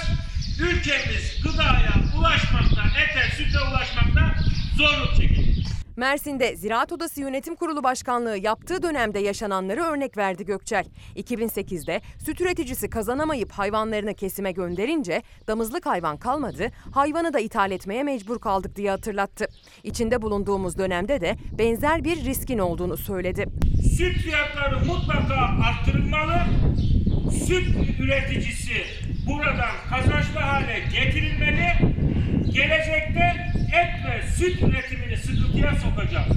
Yurt dışına daha fazla bağımlı hale getirecek. Bu durumdan mutlaka uzaklaşmamız lazım. Ömer Fethi Gürer ise don vuran ağaçlarda aradı aradı ama kiraz bulamadı. Dalda bir tane kiraz var. E bu çiftçi mağdur olmuş.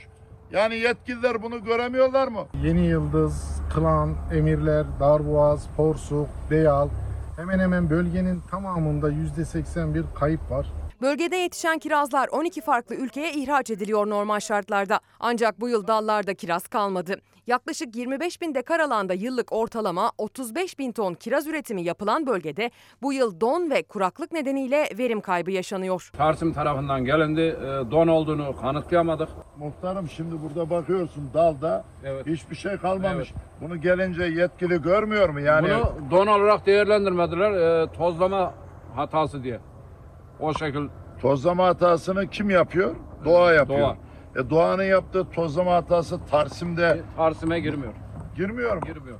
Üreticinin derdine tarım sigortası da çare olmadı. CHP'li vekiller başta kuraklık, pek çok meteorolojik afetle kazanç kaybı yaşayan çiftçiyi ziyaret etmeye devam ediyor. Sizleri Ankara'ya götüreceğim ama önce büyük ustamız Müjdat Gezen'den Normal Olacak Kadar Anormal Değilim isimli kitabı Kırmızı Kedi yayınlarından çıkmış. Bugün de 15 ayrı kitaptan birini tanıtıyorum. Bu da imzalı bir kitap ve kitaplığımdaki yerini alacak ve mutlaka okuyacağım. Sizlere de özet yapacağım. Söz veriyorum efendim. Ankara'ya gidiyoruz. Mansur Yavaş'ın benim en önemli projelerimden biri dediği tarım projesine Gölbaşı'na. Evet, Kırsal Hizmetler Daire Başkanı Mekin Bey. Evet. Ankara Büyükşehir Bey. Biz neredeyiz şimdi? Şu anda Ankara Ankara ilinin Gölbaşı ilçesinde Karaoğlan mevkiinde yer alan Büyükşehir Belediyesi Tarım Kampüsü'ndeyiz. Bu tarım kampüsü e, yaklaşık olarak 2700 dönüm bir alanı kaplayan bir bölüm. Burada yapmak istediğimiz şeyler bir tanesi bir tarım akademisi kuruyoruz, bir eğitim merkezi. İkincisi bir ARGE merkezi kuruyoruz. Laboratuvarlarımızla beraber olan bir alan. Üçüncüsü e, üretim alanlarında üretimlerimizi gerçekleştireceğiz. Vatandaşa nasıl ürettiğimizi gerçekleştireceğiz. Ve dördüncüsü de bir rekreasyon oluşturuyoruz. Tarım turizminin yani Ankara içerisinde yapılabildiğini göstermek için. Şimdi genelde Ankara siyasetin başkenti olarak görülür. Meclis, bakanlıklar, üniversite hepsi. Ama aynı zamanda Ankara çok ciddi bir e, tarım ilidir. E, 7 üründe Türkiye birincisidir.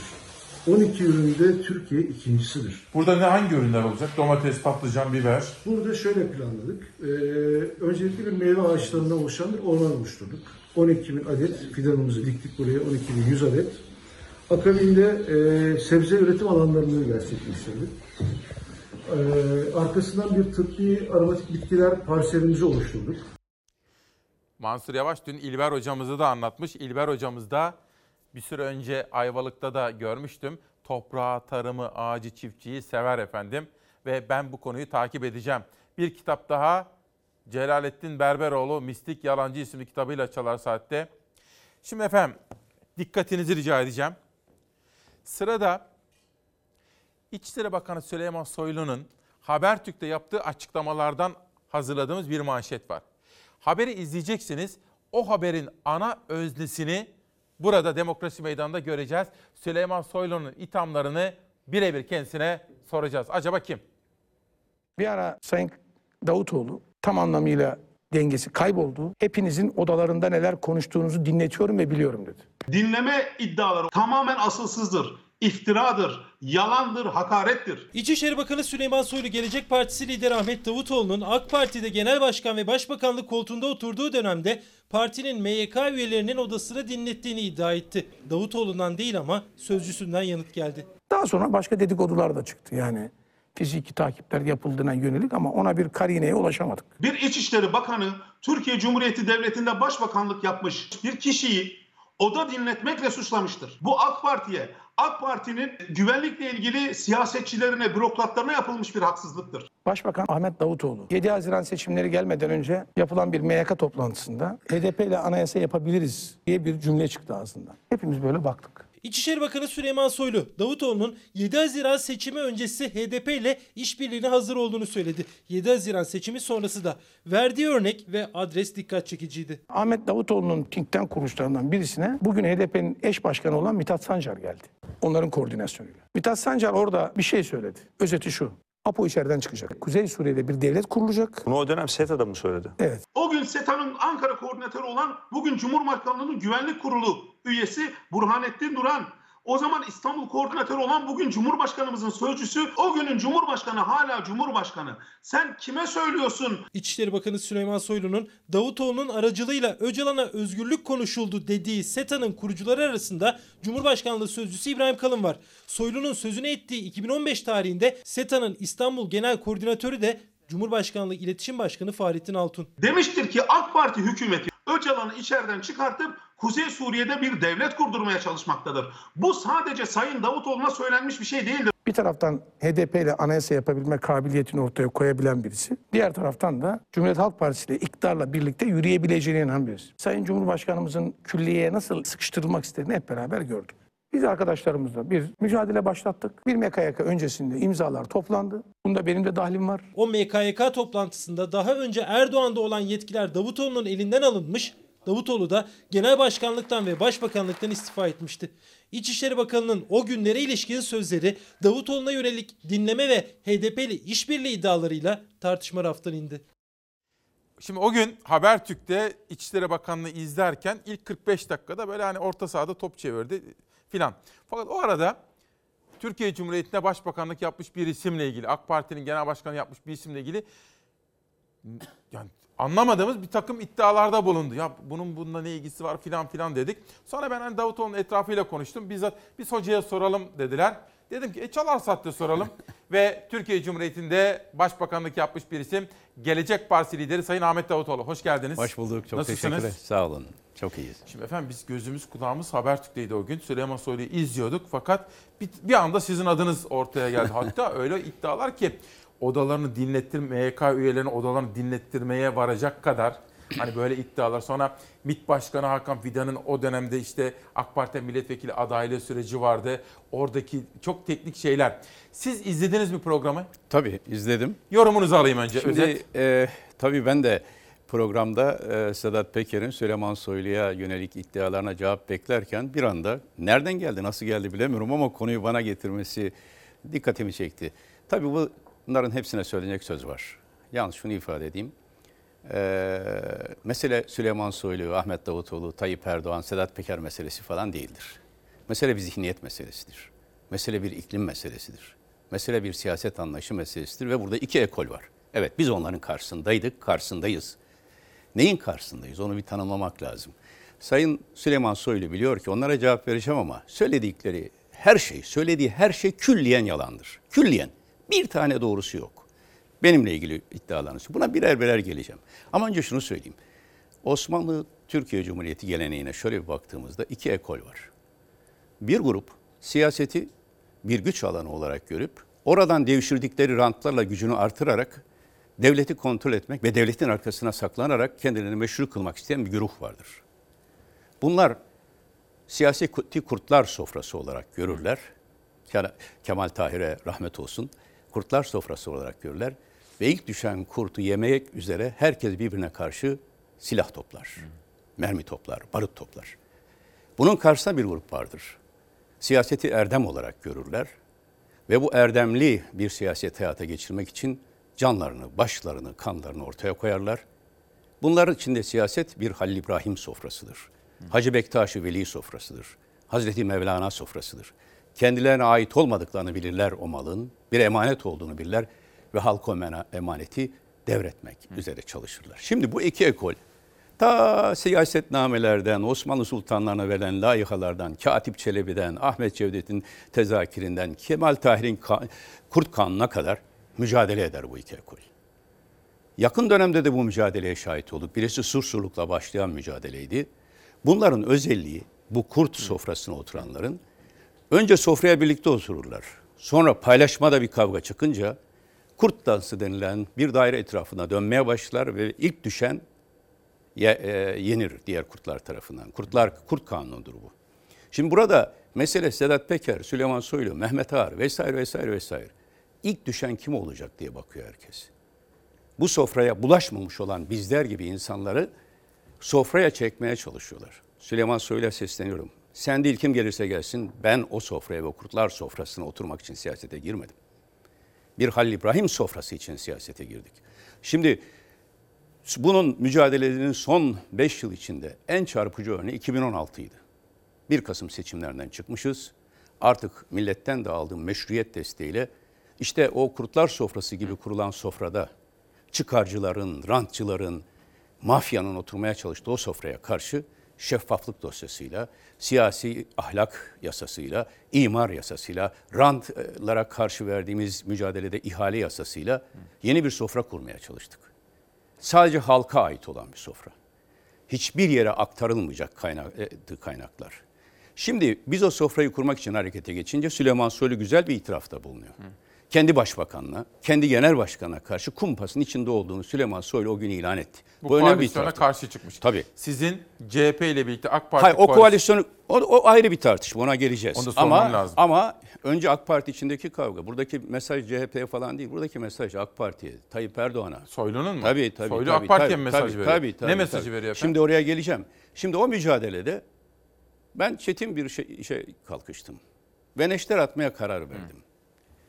İmar rantlarına, e, faiz rantlarına, efendim çıkarcılara, mafyaya neşter atacaktık. Bunun ilacı nedir? Şeffaflıktır. Şeffaflık yasasını getirdim.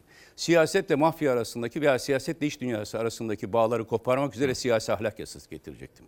Karşımda bir çete örgütlendi parti içinde. Kim var bunların için? Açık konuşacağım artık. Tamam. Binali Yıldırım, Süleyman Soylu ve Berat Albayrak. Esas Berat Albayrak'ı başa almam lazım.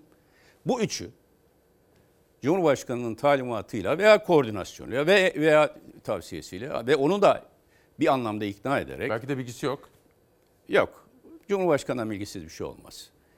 Çünkü kendisi de bunu bana ifa- ifade etti. Yani bu bütün o çalışma tabii tabii. Ne tabii. O çalış hayır. O çalışma yani o günkü çalışmanın bana karşı toplanan imza Süleyman Soylu söylüyor. İmza topladım diyor. Ben o işin içindeyim diyor. Bu bir suç ihbarıdır. Kendisini itiraf ediyor. Diyor ki ben meşru başbakana karşı kumpas kurdum diyor ya. Açıkça. Şimdi o kumpasın hesabını verecekler. Allah hesabını sorduruyor işte. Böyle rezil eder insanı. Öyle bir kumpas kurdular. Ve ben yalnız bırakıldım. MKYK'da en azından bir 15-20 cesur arkadaş çıkar, namuslu, dürüst arkadaş çıkar, arkamda durmuştur diye düşünürken 3 kişi dışında 47 kişi imza attı. Bazıları sonra bu konuda e, özür dilediler. Onları tenzih ederim ama Peki. yalnız bırakıldım.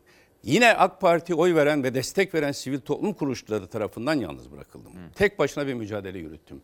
Başbakanlıktan ayrıldıktan sonra da saldırılar. Bu son saldırı kurtlar sofrasında birbirini yemekte olan kurtların ya buraya birini daha çekelim de onu da yiyelim deme çabasıdır. Ben o sofraya gelmem Sayın Soylu. Ama sen işlediğin o kumpasın Allah indinde de kullar indinde de hesabını vereceksin. Şimdi biz o mücadeleyi tekrar başlatıyoruz. Bir şey o zaman yalnız bırakılmıştık. Şimdi cesur arkadaşlarımla Gelecek Partisi'ni kurdum. Bunu, bu cümle önemli. O gün yarım bıraktığım işi arkadaşlarımla birlikte tamamlayacağız ve Kurtlar Sofrası'nın yerini Halil İbrahim sofrasına, Hacı Bektaş Veli sofrasına bu zihniyet. Yani siyaseti arındırarak, siyaseti milletin alanı, devleti de arkasına saklanılan kurtlarlığın arkasına saklandığı bir kutsal aygıt olmaktan çıkarıp halka hizmet aygıtı haline getirene kadar da bu mücadele sürecek. Esas itibariyle ayrıştığımız yer burası. Bu sizin yorumunuz. Tamam. Ve aslında AK Parti'den şimdi- nasıl koptuğunuz, Gelecek Partisi Tabii. nasıl kurdunuz, hangi sahiplerle hareket ettiğiniz ortada. Yani bu sizin Ama sözleriniz. Süleyman Soylu bunu ispat etmiş oldu. Yani kendisi itiraf etti. Karşı okum- çıktım diyor. Ha, yok. Neye karşı çıkıyor? Benim siyaset şeffaflık yasasına karşı çıktıkları, imar yasasına karşı çıktıkları, siyasi ahlak Peki. yasasına karşı çıktıkları. Çünkü onlar biliyorlardı ki üçü de üçü de siyasi hırs ile gücü elde etmeye çalıştılar.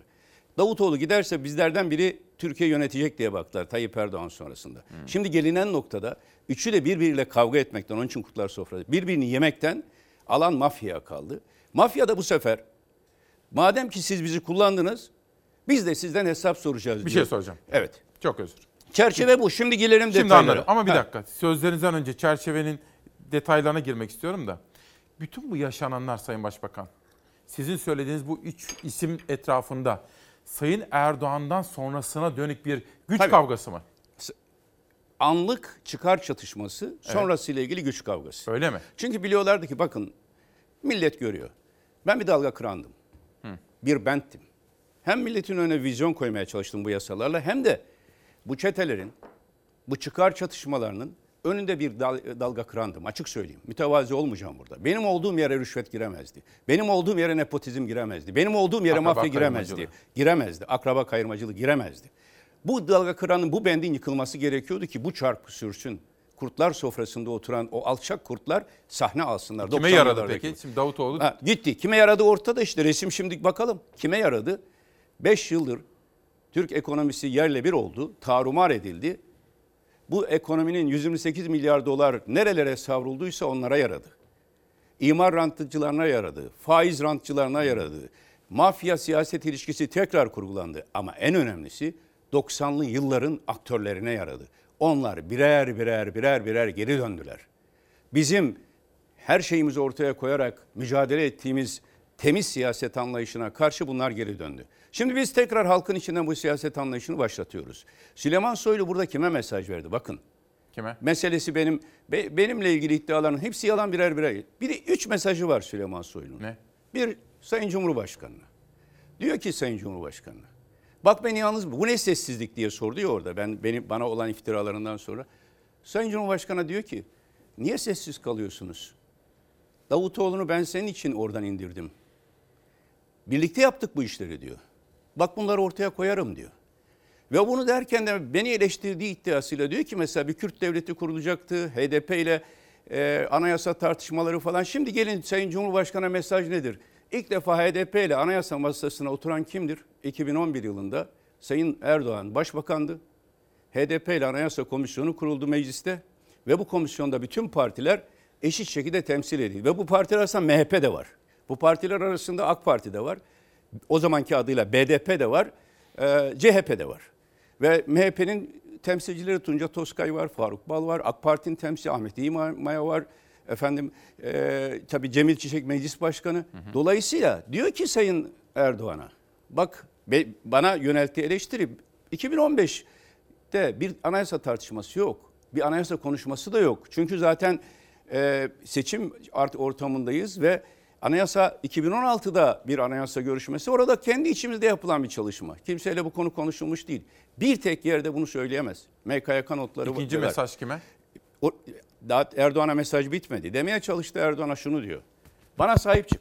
Bak çıkmazsanız ben Davutoğlu'na karşı kumpasta nasıl e, olduysa bütün onları açarım bu dosyaları. Peki e, burada kimse ve orada bir şey söyledi. Ben dedi e, sahipsiz değilim. Yakında destek çıkacaklar. Hemen ertesi gün Sayın Bahçeli ile Sayın Perinçek destek verdi. Şimdi bir tablo var ortada. Bir tarafta Sayın Soylu'yu destekleyen Perinçek ve Bahçeli, diğer tarafta şu ana kadar 24 gündür sessiz kalan Cumhurbaşkanı. Cumhurbaşkanı bugün konuşacak. Bugün destek verecek diye haberler Ha, geliyor bize. Bugün konuşacak. Şimdi önünde bir yol ayrımı Cumhurbaşkanı. Tarihi bir yol ayrımında. Ümit ederim bizi dinler ve bir kez daha düşünür bugün konuşmasıyla ilgili. Ne düşünsün? Şunu düşünecek. Aynen o başta söylediğim kurtlar sofrası ile erdemler sofrası arasındaki ayrım gibi. Ya Cumhurbaşkanı Bahçeli'nin baskısı, Perinçek'in baskısıyla Süleyman Soylu'nun arkasında duracak Ve bütün bu dosyalar kapatılacak, örtülecek. Bu alttan alta kaynayan bir yanardağın üstünün kapatılması gibi bir şey. Sayın Cumhurbaşkanı bunu yaparsa hayatının hatasını yapacak. Çünkü böylece Türkiye'yi kendisinin değil, Bahçeli'nin yönettiğini hatta rotayı da Perinçek'in belirlediğini ortaya koymuş olacak. Eğer Sayın Süleyman Soylu savunacak idiyse ilk videodan sonra çıkıp savunmalıydı. Hatta ben onun yanında olsam masumiyetle inanıyor olsa inanıyorsa şöyle yapmalıydı. Bir tarafına Binali Yıldırım'ı, diğer tarafına Süleyman Soylu'yu alıp bunlar benim arkadaşlarım. Onlara yönelen saldırı bana yönelmiştir. Dolayısıyla bu suçları da yoktur diyebilmesi Ama lazımdı. Önce bakması lazım değil mi efendim? Hayır, Nereye gidiyor hayır, hayır. değil Hepsi ki. bilgisi onun elinde var. Öyle? Sayın Cumhurbaşkanı'nın bilmem bilmediği bir konu yoktur. Doğal olarak böyledir. Yani sistemin başında var o bilgiler. Ama Sayın Cumhurbaşkanı bazen yakınlarındakini de böyle te- böyle bir şekilde terbiye eder, sonra sahip çıkar. Ama bu sefer yanıldı. Bu sefer yanıldı çünkü eğer Bahçeli baskısıyla, Perinçek baskısıyla Süleyman Soylu makamında kalırsa, bütün bu dosyaların üstü örtülürse bundan sonra kimse gelip e, Sayın Cumhurbaşkanı'na e, şey yapmak, itaat etmek veya onun ona hizmet etmek gibi düşüncede kalmaz. Gider Bahçeli'ye yaranmaya çalışır. Perinçek'e yalanmaya çalışır. Ve devletin odağı şu andan itibaren Beştepe'den başka yerlere doğru iyice kayıyor. Cumhurbaşkanı bugün bir sınavdadır. Ama şunu derse, burada bir takım iddialar var. İçişleri Bakanı'nın şey, böyle de savunabilir. Ben masum olduğunu inanıyorum diyebilir. Biz de iddia bunlar diyoruz. Araştırsın şey diyoruz. Çünkü mahkeme. suçlayan da bir organize tabii, suç tabii, örgütü Tabii iddia bunlar. Ben, şu- bakın Süleyman Soylu bana iftira atar ama ben hukuk dışı bir söz sarf etmem. Araştırılsın diyoruz biz sadece. Suçlu var mı yok mu onu biz karar verecek değiliz. Cumhurbaşkanı da diyebilir ki İçişleri Bakanı'nın şey olduğuna inanıyorum masum. Ama masumiyetini mahkeme önünde ve süreç içinde gösterirsin, gösterecek. Yani mahkeme değil, soruşturmada. Ben bunları araştırmak için heyet kuracağım. Ve bu bu heyetin çalışmasının e, selameti açısından da Sayın İçişleri Bakanı bir müddet görevinden e, azat ediyorum derse. Yani böyle bir şey illa- olmaz. Olmaz ama derse işte o zaman Cumhurbaşkanı yeni bir döneme gerçekten yeni bir O zaman Türkiye. koalisyon bozulur. E, tabii işte zaten orada. Ama Cumhurbaşkanı buradan Ama o da zaman Bahçeli diyor ya hükümet buradaki hedef Tabii, diyor. tabii. Zaten hep öderlerle. Kurtlar sofrasına oturanlar, birbirini yemek için oturanlar, sofrayı millete kapatanlar hep öyle der. Bana yapılan saldırı devlete yapılmıştır der. Niye ya? Sen devlet misin? Kim verdi sana devlet olma hakkını? Devlet bu milletin örgütlenmiş teşkilatıdır. Bu milletten kopanlar devleti temsil Siz bunu mu edemez. tercih edersiniz Davutoğlu? Mesela Sayın Erdoğan bunu söylese o zaman koalisyon bozulur. Yok hayır koalisyon bozulması falan. Bozulur ben, ama bunun benim için. derdim ne koalisyonun bozulması ne Erdoğan'ın gitmesi. Onlar ayrı şeyler. Biz siyasi mücadeleyi yaparız. Ben Erdoğan'ın da iktidarın da Sedat Peker'in sözleri üzerinden değil bizim çalışmalarımız üzerinden seçim sandığında gitmesini tercih ederim. Ha, seçim istiyorsunuz. Tabii seçim sandığında gitmesini Bu tercih olup ederim. bitenleri seçim mi temizler? Tabii. Ama önce önce soruşturma. Meclis. Ya milletin devletin sahibi meclistir. Bahçeli de değil, Erdoğan da değil, Davutoğlu da değil, Süleyman Soylu da. Kimse devletin arkasına saklanmasın. Bu devlet onların arkasına kirli işlerin saklatılacağı bir e, organizasyon değildir. Devleti nihai kertede neresi temsil eder biliyor musunuz? Türkiye Büyük Millet Meclisi. Bu devlet Türkiye Büyük Millet Meclisi kurdu. Bir soru. O zaman ben me- mecliste yokuz biz şu anda. Ama getirsinler mecliste bir araştırma soruşturma komisyonu Peki. kursunlar. Çok net aslında. Ben dört bakana da ilgili de o zaman söylemiştim. 17-25 Siz- Aralık. Tabii tabii. Siz sizin suçlu veya suçsuz olduğuna ben karar verecek değilim ama masum, size sizin arkadaş, arkadaşınız olarak da söylüyorum. Bunu böyle ma- e, süre içinde aklanın. Şimdi de mesele bu. Ayrıca mesajın diğer boyutlarına da gelirsek orada durmuyor. Ama sorular sormam lazım. Tabii tabii. Bir adım geri gider misiniz efendim? Bir adım bir geriye. adım. Heh, tamam. Yok hayatta hiç geri gitmedim de böyle gideyim Evet. madem. Yayın tekniği açısından. Latife ediyorum. Şimdi efendim Soylu dedi ki İçişleri Bakanı o tarihlerde dedi MYK'da konuşuyoruz dedi. İşte aslında işte tek parti iktidarı yoktu dedi. Olmayacak halkın işte halk aslında o gün ne verdi? Esasında siyaseten şuydu. AK Parti ile CHP'nin koalisyon kurması gerekiyordu. Şunu söylediniz mi? Kapalı kapılar ardında neler konuştuğunuzu biliyorum. Dinlettim gibi bu meale Şimdi gelecek. ikinci mesaj burada. İkinci mesaj da oraya gelecektim zaten. İkinci mesaj AK Parti'nin o dönemki kadrolarına, yönetimlerine. Şimdi ben onlara sesleniyorum. Benimle birlikte MKYK'da olmuş olanlara ki çok saygın isimler de var o MKYK'da. Daha o yani 15 e, e, 12 Eylül Kongresi olmadığı için Beşir Atalay var. Hatta e, Bülent Arınç tabii hükümetin de e, üyesi olarak katıldığı toplantı. Bütün MKYK üyeleri şu anda ciddi bir sınav altında. Aslında diyor ki e, şey e, e, Soylu diyor Sedat Peker nasıl ben dünyayı yıkarım diyor. Sedat Pe- Soylu da dönüp AK Parti'ye diyor ki bana sahip çıkmazsanız ben AK Parti yakarım diyor. Niye yakarım diyor biliyor musun? İşte ben buradayım. Elinde devlet imkanları var, soruştursunlar. Bir tek kişi çıksın benim dinleme ile ilgili bir kişiye talimat verdiğimizi söylesin. Bir dinleme haşa. Ben arkadaşlarımı dinletmek gibi ahlaksızca bir işe girmem ama Soylu alçakça bir iftira atıyor burada. Çok net söylüyorum. Ellerinde delil varsa çıkıp söylesin. İçişleri Bakanı kendisi. Varsa ben o dönemde bir emniyet müdürüne de ben, ben mi dinleteceğim? Emniyet genel mi? Varsa böyle bir sözlü ya da yazılı talimatım çıkarsın. İstihbarat mı? Milli İstihbarat Teşkilatı'na söylesin. Burada ne diyor? Yapıyor biliyor musunuz? Kendi suçunu yayıyor. Eski İçişleri Bakanı, o dönemin İçişleri Bakanı Efkan Ala'ya hakaret ediyor, iftira ediyor. Sayın Efkan Ala, onurla görev yapmış bir İçişleri Bakanı çıksın açıklasın. Ben ona öyle bir söz ima bile etmişsem, herhangi bir yerde bir söz, bu, bu FETÖ taktiğidir. Soylu kendisi de bu taktikleri uyguladığı için ne dedi kendisi? Ben de herkesin gizli şeylerini biliyorum dedi. Mahrem bilgiler geliyor bana. Ha, ben İçişleri Bakanıyım. Ha, dedi. biliyorum dedi. Ben Süleyman Soylu'nun ahlakıyla ahlaklanmadım. Ben Hazreti Ömer'in ahlakıyla ahlaklandım. Kapılar kapılar ar- ar- ardından dinleyen biriyle biri değilim, olmadım da. Ve burada Sayın Erdoğan'a da aslında iftira atıyor. Niye? Çünkü böyle bir süreçten Erdoğan'ın habersiz olması mümkün mü? Hani ben şey vereceğim, ya dinleyin falan diyeceğim, Erdoğan haberi olmayacak. Mümkün mü? Aynı Peki- şekilde... Peki şunu dediniz mi? Kapalı kapılar ardında neler konuştuğunuzu biliyorum Hayır, dediniz mi? Hayır. O da mı Ha, doğru? Hayır ama ben genel başkanım. Tabii ki bana o dönemde gelen o şeyler var, bilgiler var. Mesela çıksınlar şey söylesinler. Mustafa Şentop Türkiye Büyük Millet Meclisi Başkanı geldi bana açık şunu söyledi. Süleyman Soylu Teşkilat Başkanı olarak bu partinin doğasını, dokusunu bozmaya çalışıyor genel başkanım. Alıp bu parti başka bir yere taşımaya çalışıyor diye söyledi. Bu tür bilgiler bana gelir. Benim araştırmama... Genel başkan olduğunuz için. Tabii gelir doğal olarak gelecek. Yani söyleyin. ben Peki. onların zaten istediği buydu. Ben genel başkan olarak yukarıda kukla gibi oturayım. Bunlar altta çarklarını devam ettirsinler. Şimdi de devletin arkasına saklanarak çarklarını devam Sayın ettirmeye Davutoğlu, bir şey çalışıyor. soracağım. Ve bakın dikkat Bir dakika. edin. Nasıl bir mesaj gönderiyor Cumhurbaşkanı'na ve AK Parti'ye? Ne dedi? Para sayma makinesinden bahsetti. Ya bir bakan önce kendi seleflerine saygı duyar. Yani Efkan Ala'ya suç isnadında bulunuyor. Muammer Güler'in para sayma makinesini gündeme getiriyor. Bunun üzerinde de Erdoğan'a diyor ki Tamam. 17 Aralık 17 Aralık dosyasında dosya şeyi haklıydı ve bunun belgeleri şeyi e, para sayma makinesi üzerinden de o mesajı veriyor. Sayın Davutoğlu. Aslında süremiz doldu. Siz Ankara'ya gideceksiniz ama bir 5 dakikanız daha var mı? Tabii tabii tabii. Çünkü birkaç soru daha sormak Tabii istiyorum. istediğiniz kadar. Efendim bir reklama gidelim. Bu özel yayınla biraz sonra devam edeceğiz. Efendim günaydın. Özel bir sabah. Tabii beklediğimiz gibi değil. Yani şöyle sürprizli bir sabah oldu. Aslında benim yayın akışım daha farklıydı. Fakat bu hikayeyi sizlere anlatabilirim. Ama olağanüstü dönemlerden geçmekteyiz.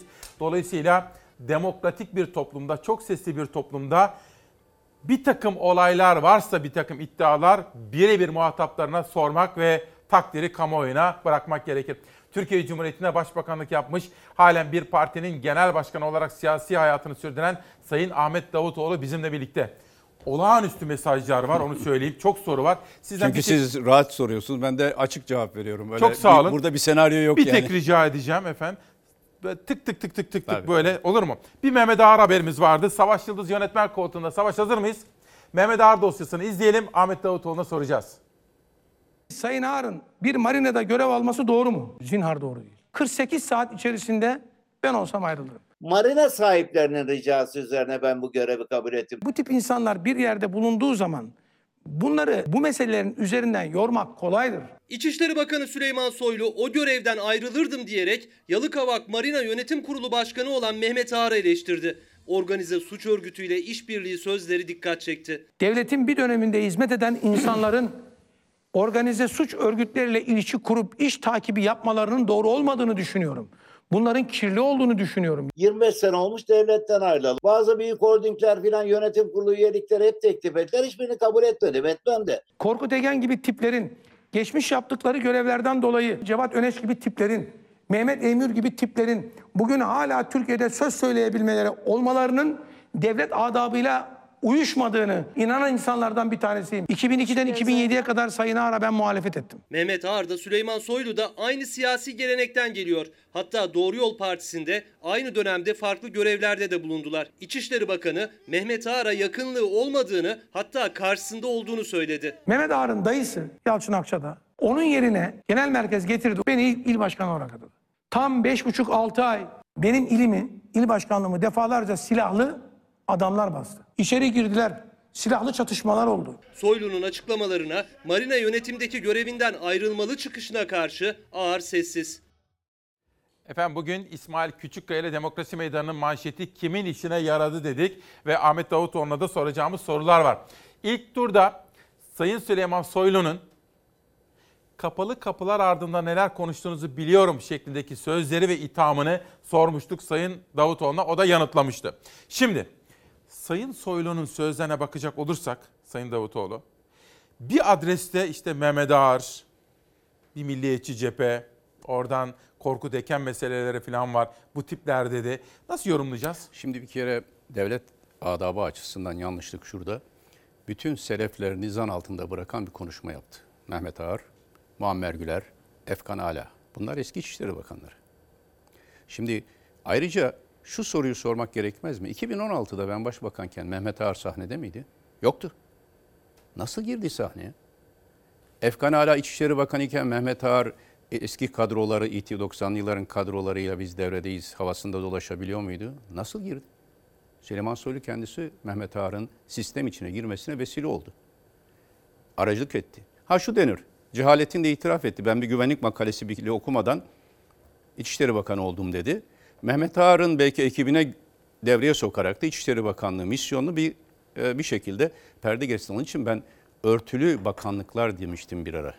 Görünen bakanlıklar dışında örtülü bir takım yapılar varsa bu da bir paralel yapıdır. Ama bu paralel yapıyı kuran Mehmet Ağar bu kadar etkiliyse ve Mehmet Ağar kendi ağzıyla ben çok otur gelmezsen buraya mafya gelecekti demek İçişleri Bakanı açık bir ithamdı. Şimdi dedim ya kurtlar Onun birbirini... için özür diledi ama. Tabii diledi ama... Soylu sert çıktı. Çünkü şimdi düşen düşene.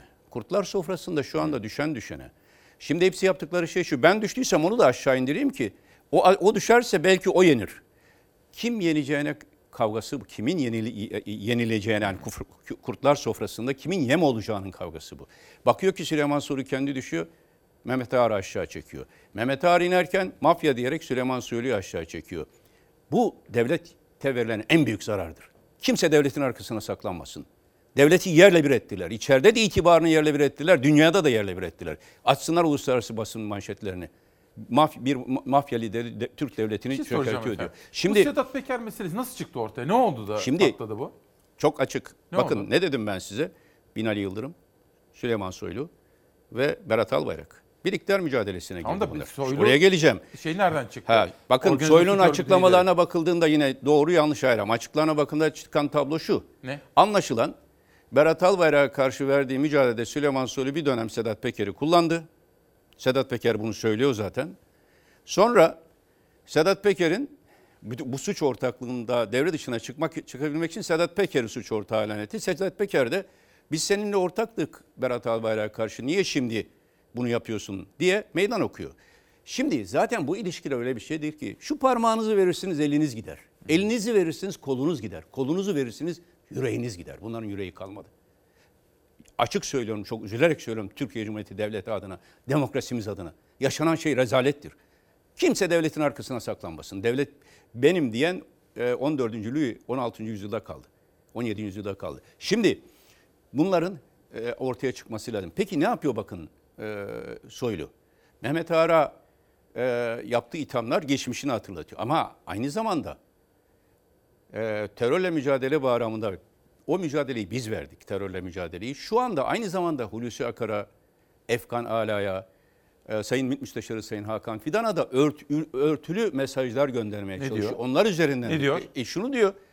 Şimdi e, güvenlik e, terörle mücadele bağlamında baksınlar terörle mücadelenin en sert dönemini yani 15 23 Temmuz 2015'ten Mayıs 2016'ya kadar biz kimle verdik? Bütün gece yarıları toplantılarında Genelkurmay Başkanı olarak e, e, Hulusi Akar vardı. İçişleri Bakanı olarak Efkan Ala vardı. ve MİT Müsteşarı Hakan Fidan vardı. Hakan Fidan hala bir devlet görevlisi olduğunu konuşması doğru da değil. Ama şu anda Hulusi Akar'ın da Efkan Alan'da konuşma vaktidir. Biri Milli Savunma şunu konuşacaklar. Bizim dönemimizde verdiğimiz mücadelede hiçbir zaman HDP'ye anayasa tartışması olmadığı gibi o terörle mücadelede Kuzey Suriye'de bir devlet kurulmasını engellemek için bir mücadele ve Başbakanımız Sayın Davutoğlu'dur demeleri lazım tarihe kayıt için. Bu onların bana borcudur. Millete borcudur, tarihe borcudur. Çıkacaklar ve konuşacaklar. Yoksa Davutoğlu Kuzey Suriye'de terör ör- şey devlete izin verecekmiş. Bu aynı zamanda Cumhurbaşkanı'na da hakarettir. Cumhurbaşkanı da itham altına almaktır. Cumhurbaşkanı bütün Milli Güvenlik Kurulu toplantılarına başkanlık yaptı. Bütün o kararları bildiriler aldık. Hiç kimse terörle mücadele mirasının üzerine oturmasın. Süleyman Soylu'nun hakkı değil. Ben başbakanlığı devrettiğimde Türkiye'de bir tek sokakta bariyer, hendek, barikat kalmamıştı. Bir tek yerde terörün ana damarları kesilmişti. Peki o arada ne yapıyordu Süleyman Soylu? Terörle mücadele için ben Silopi'deyken, Varto'dayken, Sur'dayken, Yavaş'tayken, Van'dayken, Şanlıurfa'dayken, Ceylanpınar'dayken o benim arkamda 3-5 kişiyle kumpas kuruyordu. Kendi başbakanına kumpas kurarak ben terörle mücadeleyi bu e, o yetkililerle yürütürken Mehmetçik'le alandayken o bana kumpas kurmakla meşguldü. Ama şu da doğru değil mi Şimdi efendim? Bir şey, bir şey soracağım. burada vermek istediğim Sayın Soylu'nun da Sayın Soylu'nun da İçişleri Bakanı olarak, olarak terörle mücadelede başarılı olduğunu Bir dakika. kabul ediyor muyuz? Bir dakika. Şunu derim. Bir mira, bizim bıraktığımız yerden devam ettirdi. Efkan hala da devam ettirdi, Soylu da devam ettirdi. Bu Ha, devletin tek başına mücadelesidir. sahiplenmesin Aa, diyorsunuz. yok öyle şey. Biz oraları temizle, temizledik. En başarılı, meskun mahalledeki en başarılı terörle mücadeleyi yaptık. Ha Süleyman Soylu ama ne yaptı üstüne biliyor musunuz? yaptı? Kürt vatandaşlarımızın kalbini kırarak bu mücadeleyi yürü- yürüttü. Demokratik hukuk devletine aykırı şekilde. Van'da helikopterden şimdi faili meçhul yok diyor. Van'da helikopterden e, köylü atıldı ya. Şimdi böyle mi yürütülür terörle Bu doğru mu efendim? Bunun doğru olmadığını Doğru söylüyorlar babasıyla ama. ben konuştum. Ama doğru, devletin Hayır doğru. doğru değil diyorlar Hayır ama. doğru. Yani bu olay yaşanmıştır. Babasıyla ailesiyle konuştum ben. Doğru. Hemen Bir soru daha. Faili meçhul hemen açsınlar. Sayın Davutoğlu. Demokratik hukuk devleti kuralları içinde biz mücadele ettik. Bir tek Kürt vatandaşımızın kalbini kırmadan. Peki. Ben geceleri e, onlarla birlikte yattım kalktım. Askerimizle birlikte.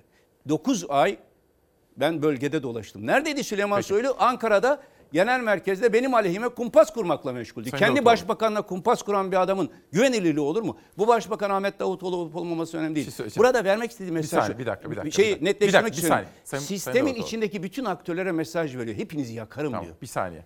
Efendim heyecanınızı, derdinizi anlıyorum. Fakat monolog değil, diyalog Tabii, olursa tabii. çok daha etkili olur. Hayır. Soru şu. Sayın yani Soy- Soylu'nun ve Habertürk'ün durumuna düşmeyelim. Mesele şu efendim. Hakan Fidan'ın sizin başbakanlığınız döneminde siz bir seçim kazandınız. %50 miydi? 50'nin üzerinde bir seçim. 49,5. 49,5. Ve seçime giderken MİT müsteşarıydı şimdi MİT başkanı. Hakan Fidan'ın adaylığı vardı. Erdoğan da hatta sitem etti. Gönül kırgınlığından bahsetti. Fakat Soylu'nun Habertürk'teki yayında öğreniyoruz ki açık açık söyledi. Ben dedi buna karşı çıktım dedi. Bunu bir anlatır mısınız? Hiçbir yerde karşı çıkmadı. Soylu'nun zaten şeyi bu ucuz kahramanlık. MKYK toplantılarında, Bakanlar Kurulu toplantısında Soylu'nun bir kez dahi eğer terörle mücadele ilgili şimdi söylediği iddiaları gündeme getirdiğine bir kez bir kişi daha şahitlik ederse tekrar bakarım. Hiçbir yerde efendim terörle mücadelede şu zaaf var falan demedi. Hakan Be- Bey'in olayıyla ilgili olarak da birçok devlet görevlisi görevinden istifa edip e, şey olmuştur. Valilerimiz, büyükelçilerimiz milletvekili olmuştur. Bunda bir yanlışlık yok. Ama Hakan, Süleyman Soylu bunu bana gelip hiçbir zaman söylemedi. Hiçbir toplantıda dile getirmedi. Şimdi bunu niye yapıyor biliyor Bu musun? önemli. Tabii hiçbir toplantıda dile getiriyor. Ya başbakan benim, genel başkan. Önce bana gel söyle ve der ki sen genel başkanım bu doğru değildi. Yok böyle bir şey. Hiç kimse söylemedi. Ha Cumhurbaşkanımız da o sırada bir görüş ayrılığı oldu. Sonra da oturduk bunu suhuletle devlet şeyine uygun bir şekilde çözmeye çalıştık. Ama Cumhurbaşkanı'na şimdi mesaj gönderiyor ve Hakan Fidan'a gönderiyor, Hulusi Akar'a gönderiyor, Efkan Ala'ya gönderiyor. Hepinizle ilgili Davutoğlu'na attığım iftiraları size de atarım diyor. SETA'ya gönderiyor. Peki SETA meselesi şimdi. Ha, sivil toplum. Ha, sivil. Diyor ki Davutoğlu'nun kurduğu think tank. Bir dakika ya. Doğru o biz onu kurduğumuzda bir düşünce kuruluşu olarak kurduk. Sonra siyasete angaja oldu. Bütün itibarını kaybetti. Ama 2015'te SETA'nın başında kimler vardı? Şu anda Beştepe'de olan Fahrettin Altun vardı. Burhanettin Duran vardı. Cumhurbaş ve Sayın Erdoğan'ın en yakın isimleri Tabii, şu anda. Yönetim kurulu başkanı kim? Serhat Albayrak. O zaman da Serhat Albayrak'tı. Burada ne yapıyor biliyor musun? Hmm. Bana vuruyormuş gibi yapıp Berat Albayrak'a ve pelikancılara mesaj yolluyor. Ee, herkes birbirine bakın işte onun için kurtlar sofrası dedim. Beni de yere düşürmeye için ben diz çökmedim çökmem. Düşürseler yiyecekler ama ben kurt- onların sofrasına oturmadım ki hiç. Benim bu adamlarla bir resmini gördünüz mü? Rıza Zarap'la niye ben sert mücadele verdim? Çünkü benim yanıma yaklaşamaz bu adamlar. Rıza şimdi buradan şeye geleyim. Türkiye Cumhuriyeti devletin uluslararası da zora sokuyorlar. Rıza Zarap olayı gibi kokain meselesi dünyada uluslararası en büyük Ama konvansiyondur. Türkiye Cumhuriyeti'nin haksızlık. Hak- Ya bu, bu, bu, bu nedir efendim? Bir organize suç örgütü lideri işte yok Mehmet Ağar'ın oğlu oraya gitti Venezuela'ya. Araştıracaksınız. Bakın dünya basını öyle görmüyor. Dünya basını bunu bütün uluslararası medyada e, onun açıklamaları üzerinden ve Cumhurbaşkanı sessiz kaldığı için E Bin Ali Yıldırım'ın açıklaması da ik- ama ikna edici Erdoğan. olmadığı için şu anlamda ikna edici değil. Maske dağıtmak bu bir şey midir? Venezuela'ya gidişi. Bunlar araştır. Doğru olan ne? Doğru olan şu mecliste herkesin katılımıyla bir komisyon oluştursun ve araştırılsın. Bir soru Dünyada soracağım. bu açıklansın. Şimdi üçüncü mesaj ne biliyor musunuz? Çok bu dikkatlerden kaçtığı için söylüyorum. Ben bütün detay şeyi gö- Bakın buradan da AK Parti kitlelerine sesleniyorum. Onlara vicdana hitap ederek sesleniyorum. Bakın ne diyor Süleyman Soylu bütün konuşmayı. Ben böyle akademik çalışmada kavram analizi yaptırırım. Evet. Yani e- bir kavram kaç kere geçmiş.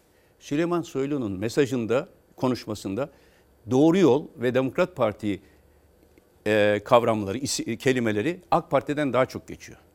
Şunu demeye çalışıyor. Nasıl Demokrat Parti'nin başında bu e, yaptığım orada devşirdiğim güçle AK Parti'ye transfer olup bu gücü kullanarak AK Parti etkin bir yere gelmişsem AK Parti'deki gücü de kullanıp şimdi kendi yoluma giderim. Beni harca beni tasfiye etmeyin. Gider. Onun için Demokrat Parti Doğru Yol Partisi geçmişine atıfta bulunuyor. Onun için konuşmasında AK Peki. Parti atfı yok. Şimdi bütün o e, AK Parti seçmene buradan sesleniyorum bir kez daha. Sizin başında bulunduğum dönemde Türkiye nasıldı? AK Parti neredeydi? Ve şimdi Türkiye nereye getirildi ve AK Parti nereye geldi? Bütün AK Parti seçmenleri hala bana hocam diyerek bakan seçmenlerin vicdanına buradan sesleniyorum. İşte biz bunların olmaması için dalga kıran gibi bunların önünde durduk. Yalnız bırakıldık ama Bir önemli soru daha var. Bir dakika ama bir bilgi vereceğim. Savaş bir gelir misiniz? Değerli Türkiye'm çok kıymetli Çalar Saat ailesi bir bilgi vermek durumundayım. Burası Türkiye'nin kanalı Fox. Türkiye'nin özgür ve bağımsız kanalı. Ve burası İsmail Küçükkaya ile Demokrasi Meydanı. Ben Sayın Davutoğlu gibi Sayın İçişleri Bakanı Süleyman Soylu'yla da konuştum. Onu da yayına davet ettim iki kere. Ne zaman arzu ederseniz burası Demokrasi Meydanı buraya gelebilirsiniz dedim. Habertürk yayından önce de sonra da bu mesajlarım gitti. Arzu ettiği zaman gelebilir. Bunu söylemeyi bir vazife biliyorum. Bir. İki, bir keresinde bu 7 Haziran seçiminde biz halkız ya, biz bir oy kullanmıştık. Bunun siyaseten karşılığı neydi? AK Parti ile CHP'nin koalisyonuydu. O tarihte özellikle belli kesim bana kızıyordu. Ben çünkü burada diyordum ki AK Parti ile CHP koalisyon kurarsa Türkiye'nin hayrına olur diyordum. HDP diyorlardı, o diyorlardı, bu diyorlardı. Hayır, ideal aslında seçim oydu. Sonra ben Kılıçdaroğlu'na bunu sorduğumda dedi ki ben de sizin gibi düşünüyorum ve dedi Sayın Başbakan da böyle düşünüyor dedi. Kim dedim? Ahmet Davutoğlu. Ülkenin selameti için iki büyük grubun AK Parti ile CHP'nin koalisyon kurmasına Sayın Davutoğlu samimiyetle çalışıyor demişti. Fakat olmadı. Süleyman Soylu'yu Habertürk'te izlerken neden olmadığını ben anladım. Çünkü Süleyman Soylu ile Erdoğan arasında da konuşmalar olmuş. Soylu buna açık açık karşı çıkmış. 7 Haziran'la 1 Kasım arası sizin de en çok eleştirildiğiniz husus. Bir özetler misiniz efendim? Ne Benim olur? en çok eleştirildiğim değil, tarih objektif bir şekilde yazıldığında en çok takdir edileceğim husustur. Nedir? AK Parti açısından e, yolsuzluklarla yıpranmış bir parti tekrar iktidara taşıdım o dönemde. Türkiye açısından terörle mücadeleyi en kararlı şekilde sürdürdüm ve bir dakika bile ülkeyi hükümetsiz bırakmadım. Ekonomi açısından azınlık hükümeti durumunda olmamıza rağmen, e, geçici hükümet durumunda olmamıza rağmen ekonomide bir kriz yaşatmadım. Bunlar o dönem benim için siyasi tarihe krizler sürecini en doğru yönetildiği ve Türkiye Cumhuriyeti Devleti'nin ekonomisinin, siyasetinin sarsılmadığı bir dönem olarak geçecek. Şimdi Süleyman Soylu'nun buradaki iddiasına cevap vereyim. Evet. Bakın Türkiye Cumhuriyeti tiyatro alanı değil, demokrasi de tiyatro alanı değil. Bunlar böyle gördüğü için zaten. Sayın Cumhurbaşkanı bana bir görev vermiş. Hükümeti kur demiş. Değil mi? Hükümeti kurmanın yolu ne? Ya Cumhuriyet Halk Partisi ile koalisyon oluşturacağız ya MHP ile. O günkü MKYK'nın hepsi şahittir. Saatlerce hepsini teker teker dinledim. Büyük çoğunluk CHP diyordu. bir önemli kısımda yani yarı yarıya neredeyse MHP diyordu. Tabii HDP'yi hiçbir zaman denkleme sokmadık. Ee, MYK'da da öyleydi. Bir takım e, an- anketle vari şeyler yaptırdım böyleydi. Şimdi ne yapsaydım yani? Cumhurbaşkanı bana tiyatro oynamam için mi e, görev verdi? Burada Cumhurbaşkanı hakaret var. Türk demokrasisine hakaret var. Gittim samimi bir şekilde MHP ile ve CHP ile görüşmeler yaptım. Peki Sayın e, Soylu madem Sayın Bahçeli ile bu kadar kanka bu- bugün, Bahçeli onun himayesini aldı. E o zaman da Sayın Bahçeli'ye gidip de bizi CHP'ye mahkum etmeyin. Sayın Başbakan'ın koalisyon tekliflerini kabul edin deseydi de biz Milliyetçi Hareket Partisi ile koalisyon kursaydık. Yaptım bunu Soylu? Hayır yapmadı. Geçmişte Bahçeli yaptığı hakaretler malum. E Sayın Bahçeli bunu kabul etti mi? Etmedi. Saati 17.25 ara ayarlıydı. Ve ben gittiğimde de önce şartı 17.25 Aralık dosyaları Anayasa Mahkemesi'ne sevk edilsin şeklindeydi. Şimdi o günlerin altından sular geçince halk unuttu zannediyor. Unutmaz bu halk.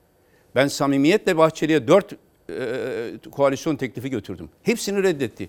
Cumhuriyet Halk Partisi'ne, Cumhuriyet Halk Partisi ile de samimiyetle görüştüm. Benim hayatımda riyakarlık da yoktur, gayri samimi ilişki de yoktur. Yani peki Cumhurbaşkanı bana niye görev verdi? Vermeseydi o zaman. Yani Cumhurbaşkanı bana hükümet kur görevi veriyor. Ben de gidip konuşma yapıyorum, suçlu oluyorum öyle mi? Ya Cumhurbaşkanı'nın verdiği görevi yaptım ben. Ve olması gereken de bu. Sonunda bunlardan netice alınamadığı için de anayasal hükümeti kurduk ve seçime gittik. Kim götürdü seçime? Ben götürdüm. Sayın Cumhurbaşkanı 1 Kasım seçimlerinde bir meydana bile çıkmadı. Şimdi 18 yılın bütün seçim başarıları sayılırken 1 Kasım'ı sahiplenmesinler. Orada alanda bir tek ben vardım. Samimi AK Parti kadroları vardı. Dürüst AK Parti seçmeni vardı. Ve onlar bize destek verdi. Ama baktılar ki işte o iki ekol erdemli ve dürüst Halil İbrahim sofrasına dayalı Hacı Bektaş-ı Veli Hazreti Mevlana geleneğe dayalı e, bir arınma yapılacak ve bunların hepsini ar- arındıracaktık sistemden. Yani kişileri kastetmiyorum. Bütün bu yolsuzluk kanallarını kapatacaktık. Karşımıza çıkarcı, faizci, rantiyeci, mafya ilişkilerinde olan bir çete kendi hırslarıyla bizi Ne oldu biliyor etti. musunuz efendim? Bakın Süleyman Soylu da ben o akşam bir şey duydum. Hemen defterime de yazdım. Bakın 7 Haziran seçimine doğru gittim. Dedi ki Sayın Erdoğan'a da bunu ifade etmiş Sayın Soylu. Bu seçim tamamlanmamış demiş.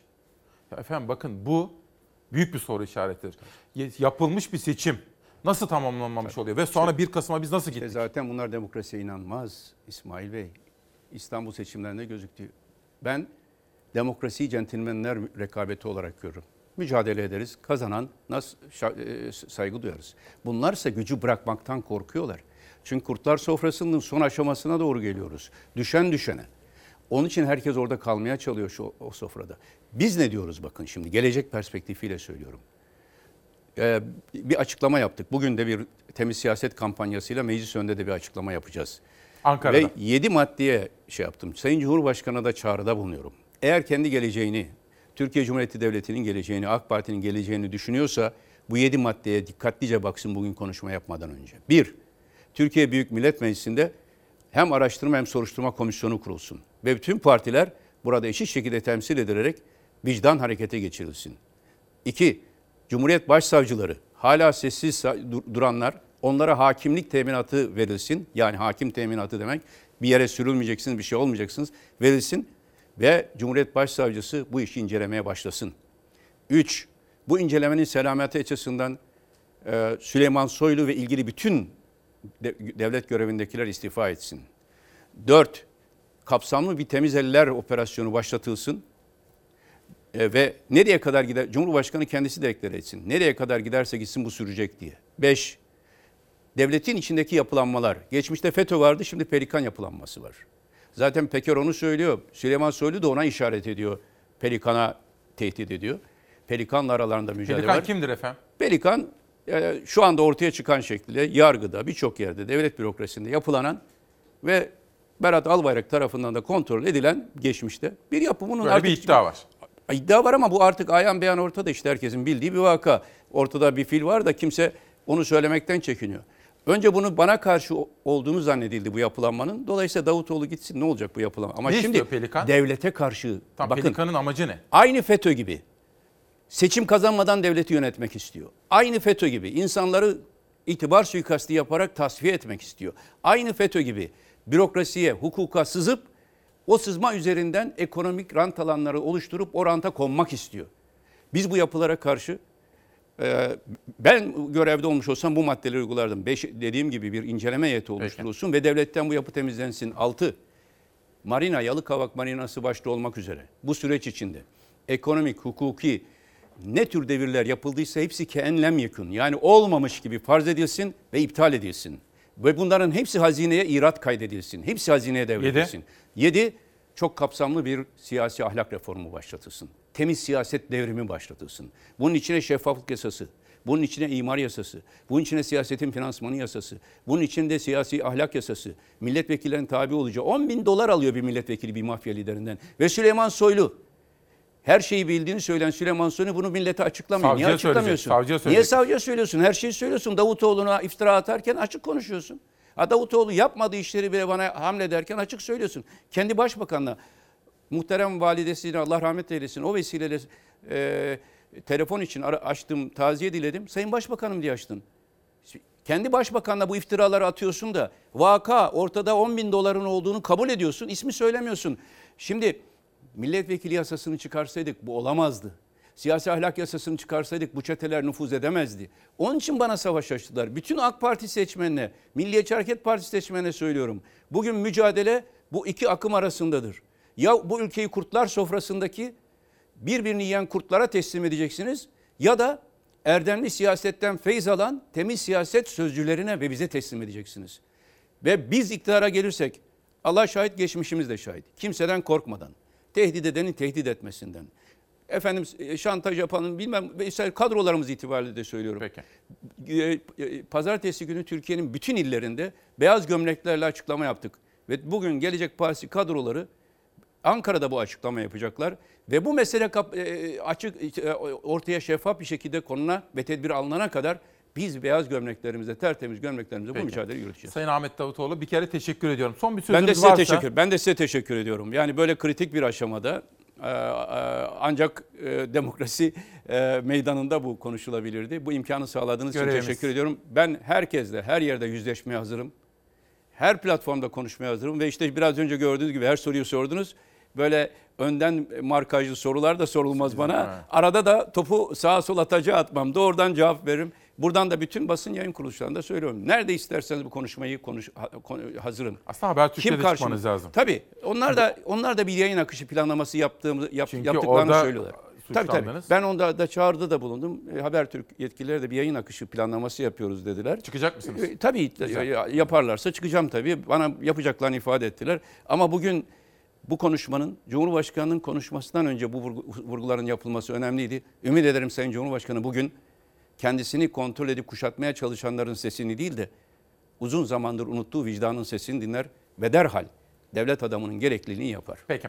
Efendim müsaade ederseniz bir önemli bağlantımız daha olacak dünyanın öbür taraflarından. Çok kritik ama önce bir piyasalara bakalım. Ben Ahmet Davutoğlu'nu uğurlayacağım ve devam edeceğiz. Türk lirası dolar ve euro karşısında %1'den fazla değer kaybetti. Euro 10 lira 39 kuruşu görerek rekor tazeledi. Dolar 8 lira 48 kuruşa kadar çıktı. Belirgin bir neden olmamakla birlikte dün piyasalarda dalgalanma yaşandı. Yapılan satışlarla birlikte borsa günü %4 kayıpla kapattı. Türk lirası da döviz kurları karşısında değer kaybetti. Euro lira karşısında rekor seviyesini gördü dün. 10 lira 39 kuruşa yükseldi. Dolar da euro gibi yukarı yönlü hareketlendi. 8 lira 48 kuruş seviyesine çıktı. Türk lirasının dolar ve euro karşısındaki değer kaybı %1'i de aştı.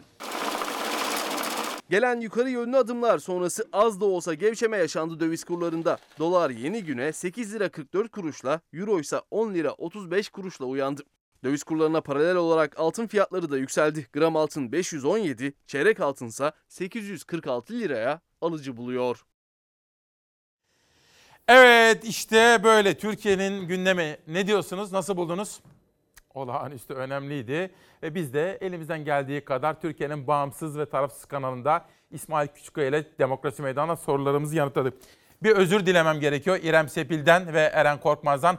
Oxford'da Türkiye'yi temsil eden bilim insanları dün Harvard'dan Gökhan Hotamışlıgil hocamız buradaydı. Biraz ufkumuz açılsın istiyorum. Bu kitabı sizlere daha detaylı tanıtacağım. İçinde İrem Sepil'in de yazmış olduğu bir makale var. Bilimsel çalışma Emre Eren Korkmaz ve Erdinç Sezgin'in editörlüğünde. Dünyanın farklı üniversitelerinde görev yapan genç bilim insanlarımızla yapılmış görüşmeler ve onların makaleleri burada bulunuyor. Biraz ufkumuz açılsın. Oxford'a gidelim. Savaş hazır mıyız? Evet İrem Sepil günaydın. Emre Eren Korkmaz günaydın. Biraz beklettim sizi kusura bakmayın. İrem seninle başlayalım. Bu kitap Bu kitap ne anlatıyor ve hikayesi nedir? Aa, kitabın hikayesini aslında Eren daha güzel anlatır. Onlardan çıktı proje fikri ama ben kendi tarafımdan olan kısmını anlatayım. Aa, Eren bir gene çok aktif bir arkadaşımız güzel bir müzede bir organizasyon yapmıştı bir buçuk sene kadar önce. O organizasyonda dedi böyle bir fikrimiz var. İşte hani halka, Türkiye'ye ulaşmak istiyoruz, halka ulaşmak istiyoruz. Bir popüler bilim kitabı yazalım. Hani sen de bir bölüm yazarak buna katkıda bulunur musun? Tabii anında hani çok heyecanlandım. Tabii ki dedim "Aa, elimizden geleni yaparız ve ondan da yaklaşık birkaç hafta sonra Eren bir e-mail atarak hepimizin içinde olduğu bütün bu katkı veren arkadaşların proje fikrini ortaya attı ve ondan sonra da zaten hepimiz büyük bir azim ve heyecanla bunu bir hayata geçirdik. Harika. Sizi birazcık tanıyabilir miyiz? Oxford'da ne yapıyorsunuz İrem Hanım? Ben burada zooloji departmanındayım. İşte son 13 senedir buradayım. Doktora çalışmalarımı burada yaptım. Ondan sonra postdoc olarak şimdi de kendi bölümümü, kendi bölümü değil, kendi grubumu kurdum e, kısa bir süre önce. Çalışmalarım aslında şu anda ya da şu 6 sene boyunca yaptığım şey erkeklerde yaşlanma ve yaşlanma üremeyi nasıl etkiliyor ona bakmaktı. İşte üredikçe erkeklerin kısır olma olasılığı artıyor mu? Peki bu değişimler spermden mi kaynaklı ya da seminal sıvı proteinlerinden mi kaynaklı? Ama tabii şunu da belirteyim, bütün bunları meyve sinekleri üzerinde çalışarak yapıyordum. Şimdi ise bunu bir sonraki aşamaya geçirdim işte kendi projemi olarak. Şimdi aynı şeylerin babaların yaşının ya da babaların diyetinin yavrularının sağlığını nasıl etkilediği üzerine çalışmalarıma devam ediyorum. Bunu birazcık daha detaylı olarak soracağım size ama şimdi Emre Eren Korkmaz'a döneyim. Hocam şimdi siz Oxford'tasınız ve bu kitabın hikayesi, bu kitabın içinde Türkiye'nin gelecekte dünya bilim dünyasına armağan edeceği genç parlak beyinlerimiz var.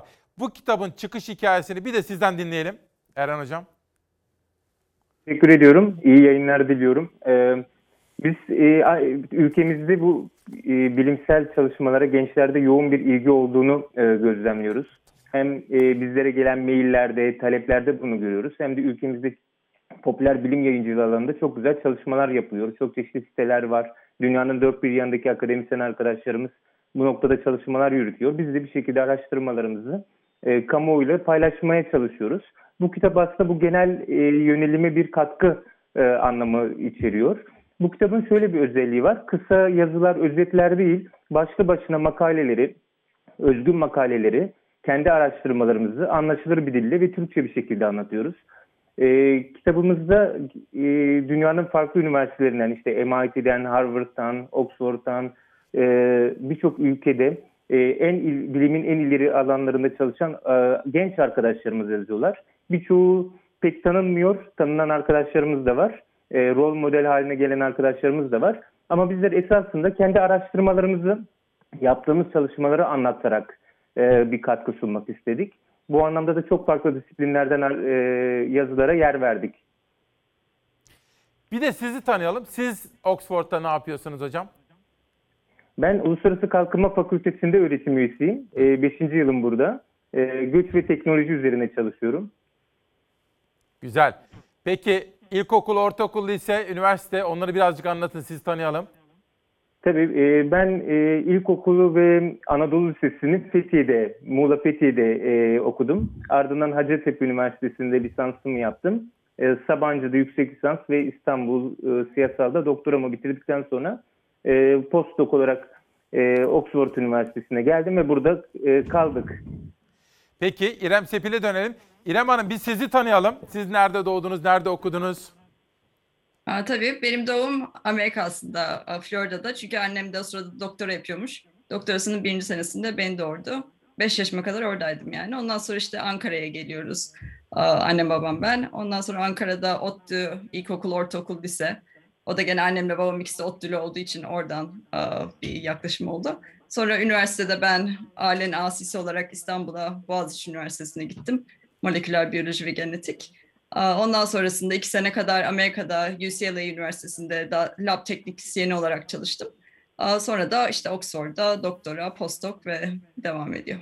Şimdi bu kitapta İrem Sepil'in makalesi şu. Kalıtımın bilinmeyen yüzü. Ve siz yaşlılık konusunda çalışıyorsunuz. Birazcık anlatır mısınız? Aa, tabii ki. Benim işte dediğim gibi bu 6 senelik bir projede çalışmıştım. Bu projedeki asıl amaç işte yaşlanmanın erkeklerin üremesini nasıl etkilediği üzerineydi. Çünkü genellikle bunu hani dişilerde biliyoruz işte insanlarda da hani annenin yaşı hatta işte hamileysen her zaman sorulur kaç yaşındasın ona göre belli bir sıkıntılar olma olasılığı bilinir. Ama erkeklerde bu genelde pek göz önüne alınmaz. Bu aynı şekilde bilim dünyasında da fazla bilinmeyen bir konu olduğu için biz buna eğildik özellikle. Ve işte yaşlandığı zaman işte spermde ne gibi değişimler oluyor? Hani kalitede mi, miktarda mı değişimler oluyor? Aynı şekilde meninin içinde seminal sıvı proteinleri dediğimiz çok önemli proteinler var. Onlar nasıl değişiyor? Onları inceledim ben uzun bir süre boyunca. Aynı zamanda bir başka soru da acaba erkeklerdeki bu yaşlanmada görülen üremedeki düşüşü yavaşlatabilir miyiz? İşte buna da ilgili bazı deneylerimiz oldu. Bunların sonucunda evet bulduğumuz şey hani gerçekten yaşlanmayla beraber ciddi üremede sıkıntılar oluyor, kısırlık artışı oluyor. Spermdeki değişimler bunu asıl açıklayan ama aynı zamanda seminal sıvı kalitesinde de farklılıklar var. Şimdiki soruda peki bunlar yavruları nasıl etkiliyor? Yani senin yaşlı bir babanın olmasının senin sağlığın üzerinde negatif etkileri olabilir mi? Bunlara bakıyorum. Bir daha soracağım. Bir dakika, bir dakika. Yaşlı bir babanın olması çocuğu nasıl etkiliyor? Bunu da mı araştırıyorsunuz? İşte şimdiki evet konu bu. Nasıl araştırıyorsunuz bunu? Şimdi ben bunu meyve sineklerinde yapıyorum dediğim gibi. Olabilecek farklı senaryolar var. Benim baktığım şey hani baba yaşlıysa yavrunun hayat, yaşam süresinde bir e, kısalma var mı ki şu ana kadar bulduklarım bunu gösteriyor. Yaşlı bir babam varsa ve bir erkeksen, erkek evlatsan sinekler dünyasında o zaman daha kısa yaşıyorsun. Şimdiye kadar bulgularım bunu gösteriyor ama daha erken aşamasındayım projenin. Çok enteresan. Aynı şekilde aynı şekilde üremeyi nasıl etkiliyor yavrunun üremesine? Ama insanlarda çok enteresan bir şey var. Gösterilen şu ki mesela sen geç yaşta baba olan bir erkek 40 yaşından sonra çocuğunda otizm spektrum bozukluğu tanısı konma olasılığı daha yüksek. 30 yaşından önce baba olan birinden 5 kat daha fazla. Ben bunu sineklerde de şimdi bakmaya çalışacağım. Tabii sineklerde otizm bakmak biraz zor ama yapmak istediğim şey benim sineklerde öğrenme üzerine çalışmak. İşte sineklere bir şey öğretmeye çalışacağım. Babaları yaşlıysa bunu öğrenmelikte daha daha fazla güçlük çekiyorlar mı? Hani çektiklerini bulursam da onların beyinlerini inceleyip bunu hani ne şekilde açıklıyoruz? Beyinde nasıl farklılıklar oluşuyor? Onların hepsine bakacağım. Çok ne kadar enteresan konular seçmişsiniz. Peki İrem Hanım, bu yaşlılık, yaşlanma hızı durdurulabilir mi veya yavaşlatılabiliyor mu? Ben buna bakmak için bir insülin mutantları kullandım. Onlarda evet eğer belli insülin mutantları kullanırsan zaten bu bilinen bir şey. Daha uzun yaşıyorlar. Ama uzun yaşamanın acaba bazı negatif etkileri var mı diye baktım. Yani uzun yaşıyorsun ama mesela üremede sıkıntılar var mı diye. Yaptığımız çalışmalar olmadığını gösterdi. Yani hem uzun yaşayıp hem üremedeki düşüşü yavaşlatmak mümkün. Şimdi aynı şekilde bunları yaşlanmayı geciktiren ilaçları kullanarak tekrar etmek istiyorum. Çünkü tabii ki mutantlar insanlarda kullanabileceğimiz bir şey değil ama hani bu ilaçlar insanlarda kullanılabilecek bir şey. O yüzden yaşlanmayı geciktiren ilaçların üreme üzerindeki etkilerine ve yavru üzerindeki etkilerine de bakacağım. Çok ilginç. Ben tekrar Emre Eren Korkmaz'a döneyim. Hocam şimdi biz çocuklarımızın okumasını bilimle, kültürle, sanatla iştigal etmelerini istiyoruz. Bu kitapta şahane öyküler var. Gerçek bilim insanlarımız var. Sizin bu kitaptan çıkarttığınız sonuç nedir? Mesela çocuklarımıza, gençlerimize ne söyleyebiliriz Eren Hocam?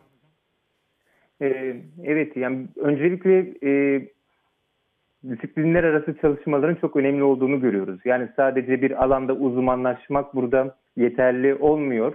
Çok farklı alanlarda bilgi sahibi olmak veya çok farklı disiplinlerden insanlarla beraber çalışmayı öğrenmek gerekiyor. Örneğin siz hem yapay zeka üzerine çalışıp hem de siyaset bilimi üzerinde uzmanlaşabilirsiniz. Ee, veya arkeoloji üzerinde çalışma yürütebilirsiniz.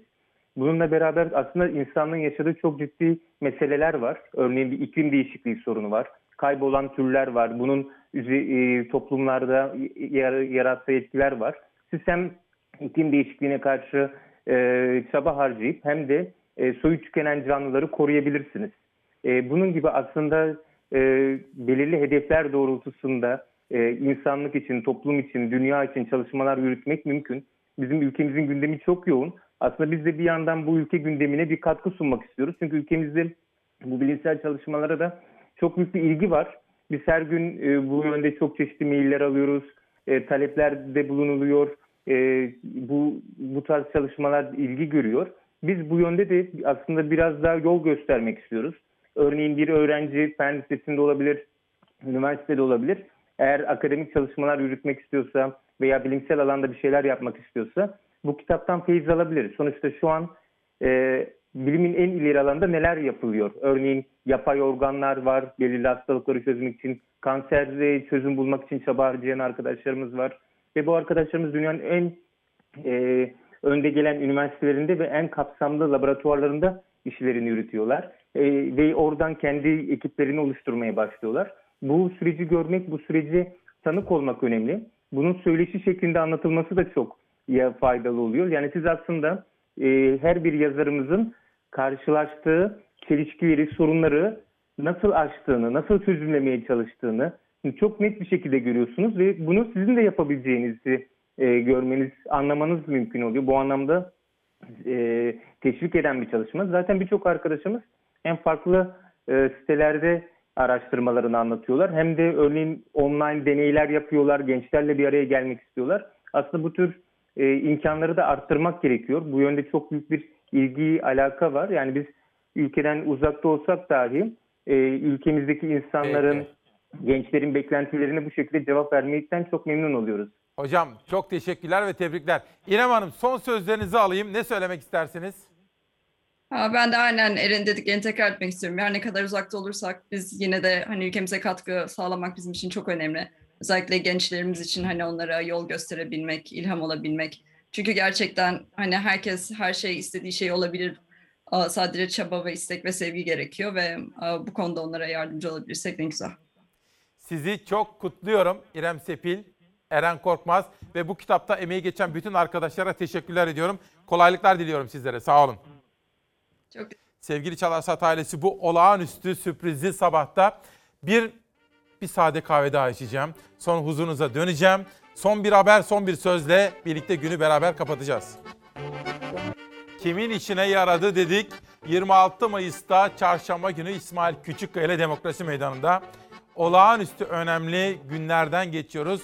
Buna uygun davranmaya gayret ediyoruz efendim. Raci Uğurlu Sürgünistan isimli kitabıyla bizimle. Başlangıç Mutlu Günay. Ve bugün de bütün ekip arkadaşlarım olduğu gibi kanalıma gücünü ve desteğini her zaman hissettiğimiz yönetim kurulumuz, genel müdürümüz, genel yayın yönetmenimiz, Çalar Saat ailemiz, Ankara büromuz bütünüyle ekibimize ve danışmanımıza ne kadar teşekkür etsem azdır. Günün bir önemli haberi daha var. Mutlaka sunmak istiyorum. İhtiyaç sahipleriyle dalga geçti. Efendim bakın fakir olmak suç değil, ayıp değil. Ve yardımlar devletimizin sosyal devlet olma vasfından gelen asli görevidir. Lütuf değil. Üçüncü vazifemiz sıcak yemek. Ramazan'da açlara sıcak yemek vermektir. İhtiyaç sahiplerine yemek, koli ve çeşitli yardımlar yapılan birimde çalışan belediye personelinin bu sözleri akıllara durgunluk verdi. Başakşehir Belediyesi Sosyal Yardım İşleri Müdürlüğü'nde çalışan Fatma Yüksel hem Atatürk'ün gençliğe hitabesiyle dalga geçti hem de ihtiyaç sahibi vatandaşla. Gençliğe hitabeyi alay konusu yaparak muhtaç yurttaşlarımıza hakaret etme cüretini gösteren AKP anlayışının somut tezahürü olan ah- ahlak dışı bu tutumu ve davranışı şiddetle kınadığımızı belirtmek isterim. Personelin bir süredir psikolojik tedavi gördüğü tespit edilmiştir. Halkın bir kesimini aşağılayan personel hakkında ilgili adli mercilere suç duyurusunda bulunulmuştur. Bu bizim en önemli vazifemizdir. Herkese koli vermek. koli koli koli diye ağlayanlara alın kolinizi demektir. Muhtaç vatandaşlara dağıttıkları kolilerle ilgili sarf ettiği sözler akıllara durgunluk verdi. Videonun yayınlanmasından sonra personel görevden alındı, hakkında suç duyurusunda bulunuldu. Dünya kadar gelen talepler teker teker küfürle beraber kontrol edildikten sonra Başakşehir Belediyesi sosyal medyadan yaptığı açıklamada personelin psikolojik sorunları var dedi. Videonun yayınlanmasına ise kişinin psikolojik sorunlarından istifade etmek olarak nitelendirildi açıklamada. Sosyal yardımlara ilişkin çok önemli bir kamu hizmetinde psikolojik sorunlar yaşadığı bilinen bir personelin çalıştırılması yöneticilik ciddiyetinden uzak bir anlayışın tezahürüdür. CHP Başakşehir İlçe Teşkilatı siyah çelenkli kınama eylemiyle duruma tepki gösterdi. Başakşehir Belediye Başkanı Yasin Kartoğlu ise sosyal medyadan personeli hakkında suç duyurusunda bulunulduğunu iletti. Videonun yayınlanmasının maksatlı olduğunu söyledi. Bir yıl önce çekilmiş ve planlayıcılar açısından uygun zaman için şu ana kadar bekletilmiş bu video. Türkiye'de hiçbir siyasi parti, hiçbir belediye ve dahi hiçbir vatandaşımızın kabul etmeyeceği planlı bir kötülüktür. yaşlı, hasta, engelli vatandaşlarımıza telefon açıp ağlayanlara hatır gönüllerini almaktır. Yardım kolisine ihtiyaç duyanları, ihtiyaç duydukları için birime başvuranları ağlayan olarak tanımlayan belediye personelinin sözleri ve tavrı sosyal medyada da büyük tepki çekti. Ulu Önder Gazi Mustafa Kemal Atatürk'ün de belirttiği gibi bir millet zenginliğiyle değil ahlak değerleriyle ölçülür. Her şeyden önce insan olmalı değil mi? İyi insan. Ne olursak olalım. Şan, şöhret, para, pul, makam, mevki hepsi yalan, hepsi geçici. Önce insan olmalıyız. Bugün bütün ekip arkadaşlarım olduğu gibi sesçimiz Ozan'ı da çok yorduk. Cansever abimiz, teknik yönetmenimiz. Onlara da isimlerini söyleyerek teşekkür etmek istedim efendim. Ve Esat Yavuz Türk'ün kitabı Osmanlı'dan günümüze Türkiye. Belirsizlik Sancıları Murat Göle'den ve kardeşim Otizm Nur Dombacı'nın kitabı. Bir şiirle kapatalım. 30 saniye içinde Çağla Şikel'e geçelim. Geçmiş zamandır. Uzak, geçmiş zamandır. Köstekli saat, orta oyunudur. Uzak hep düş görür.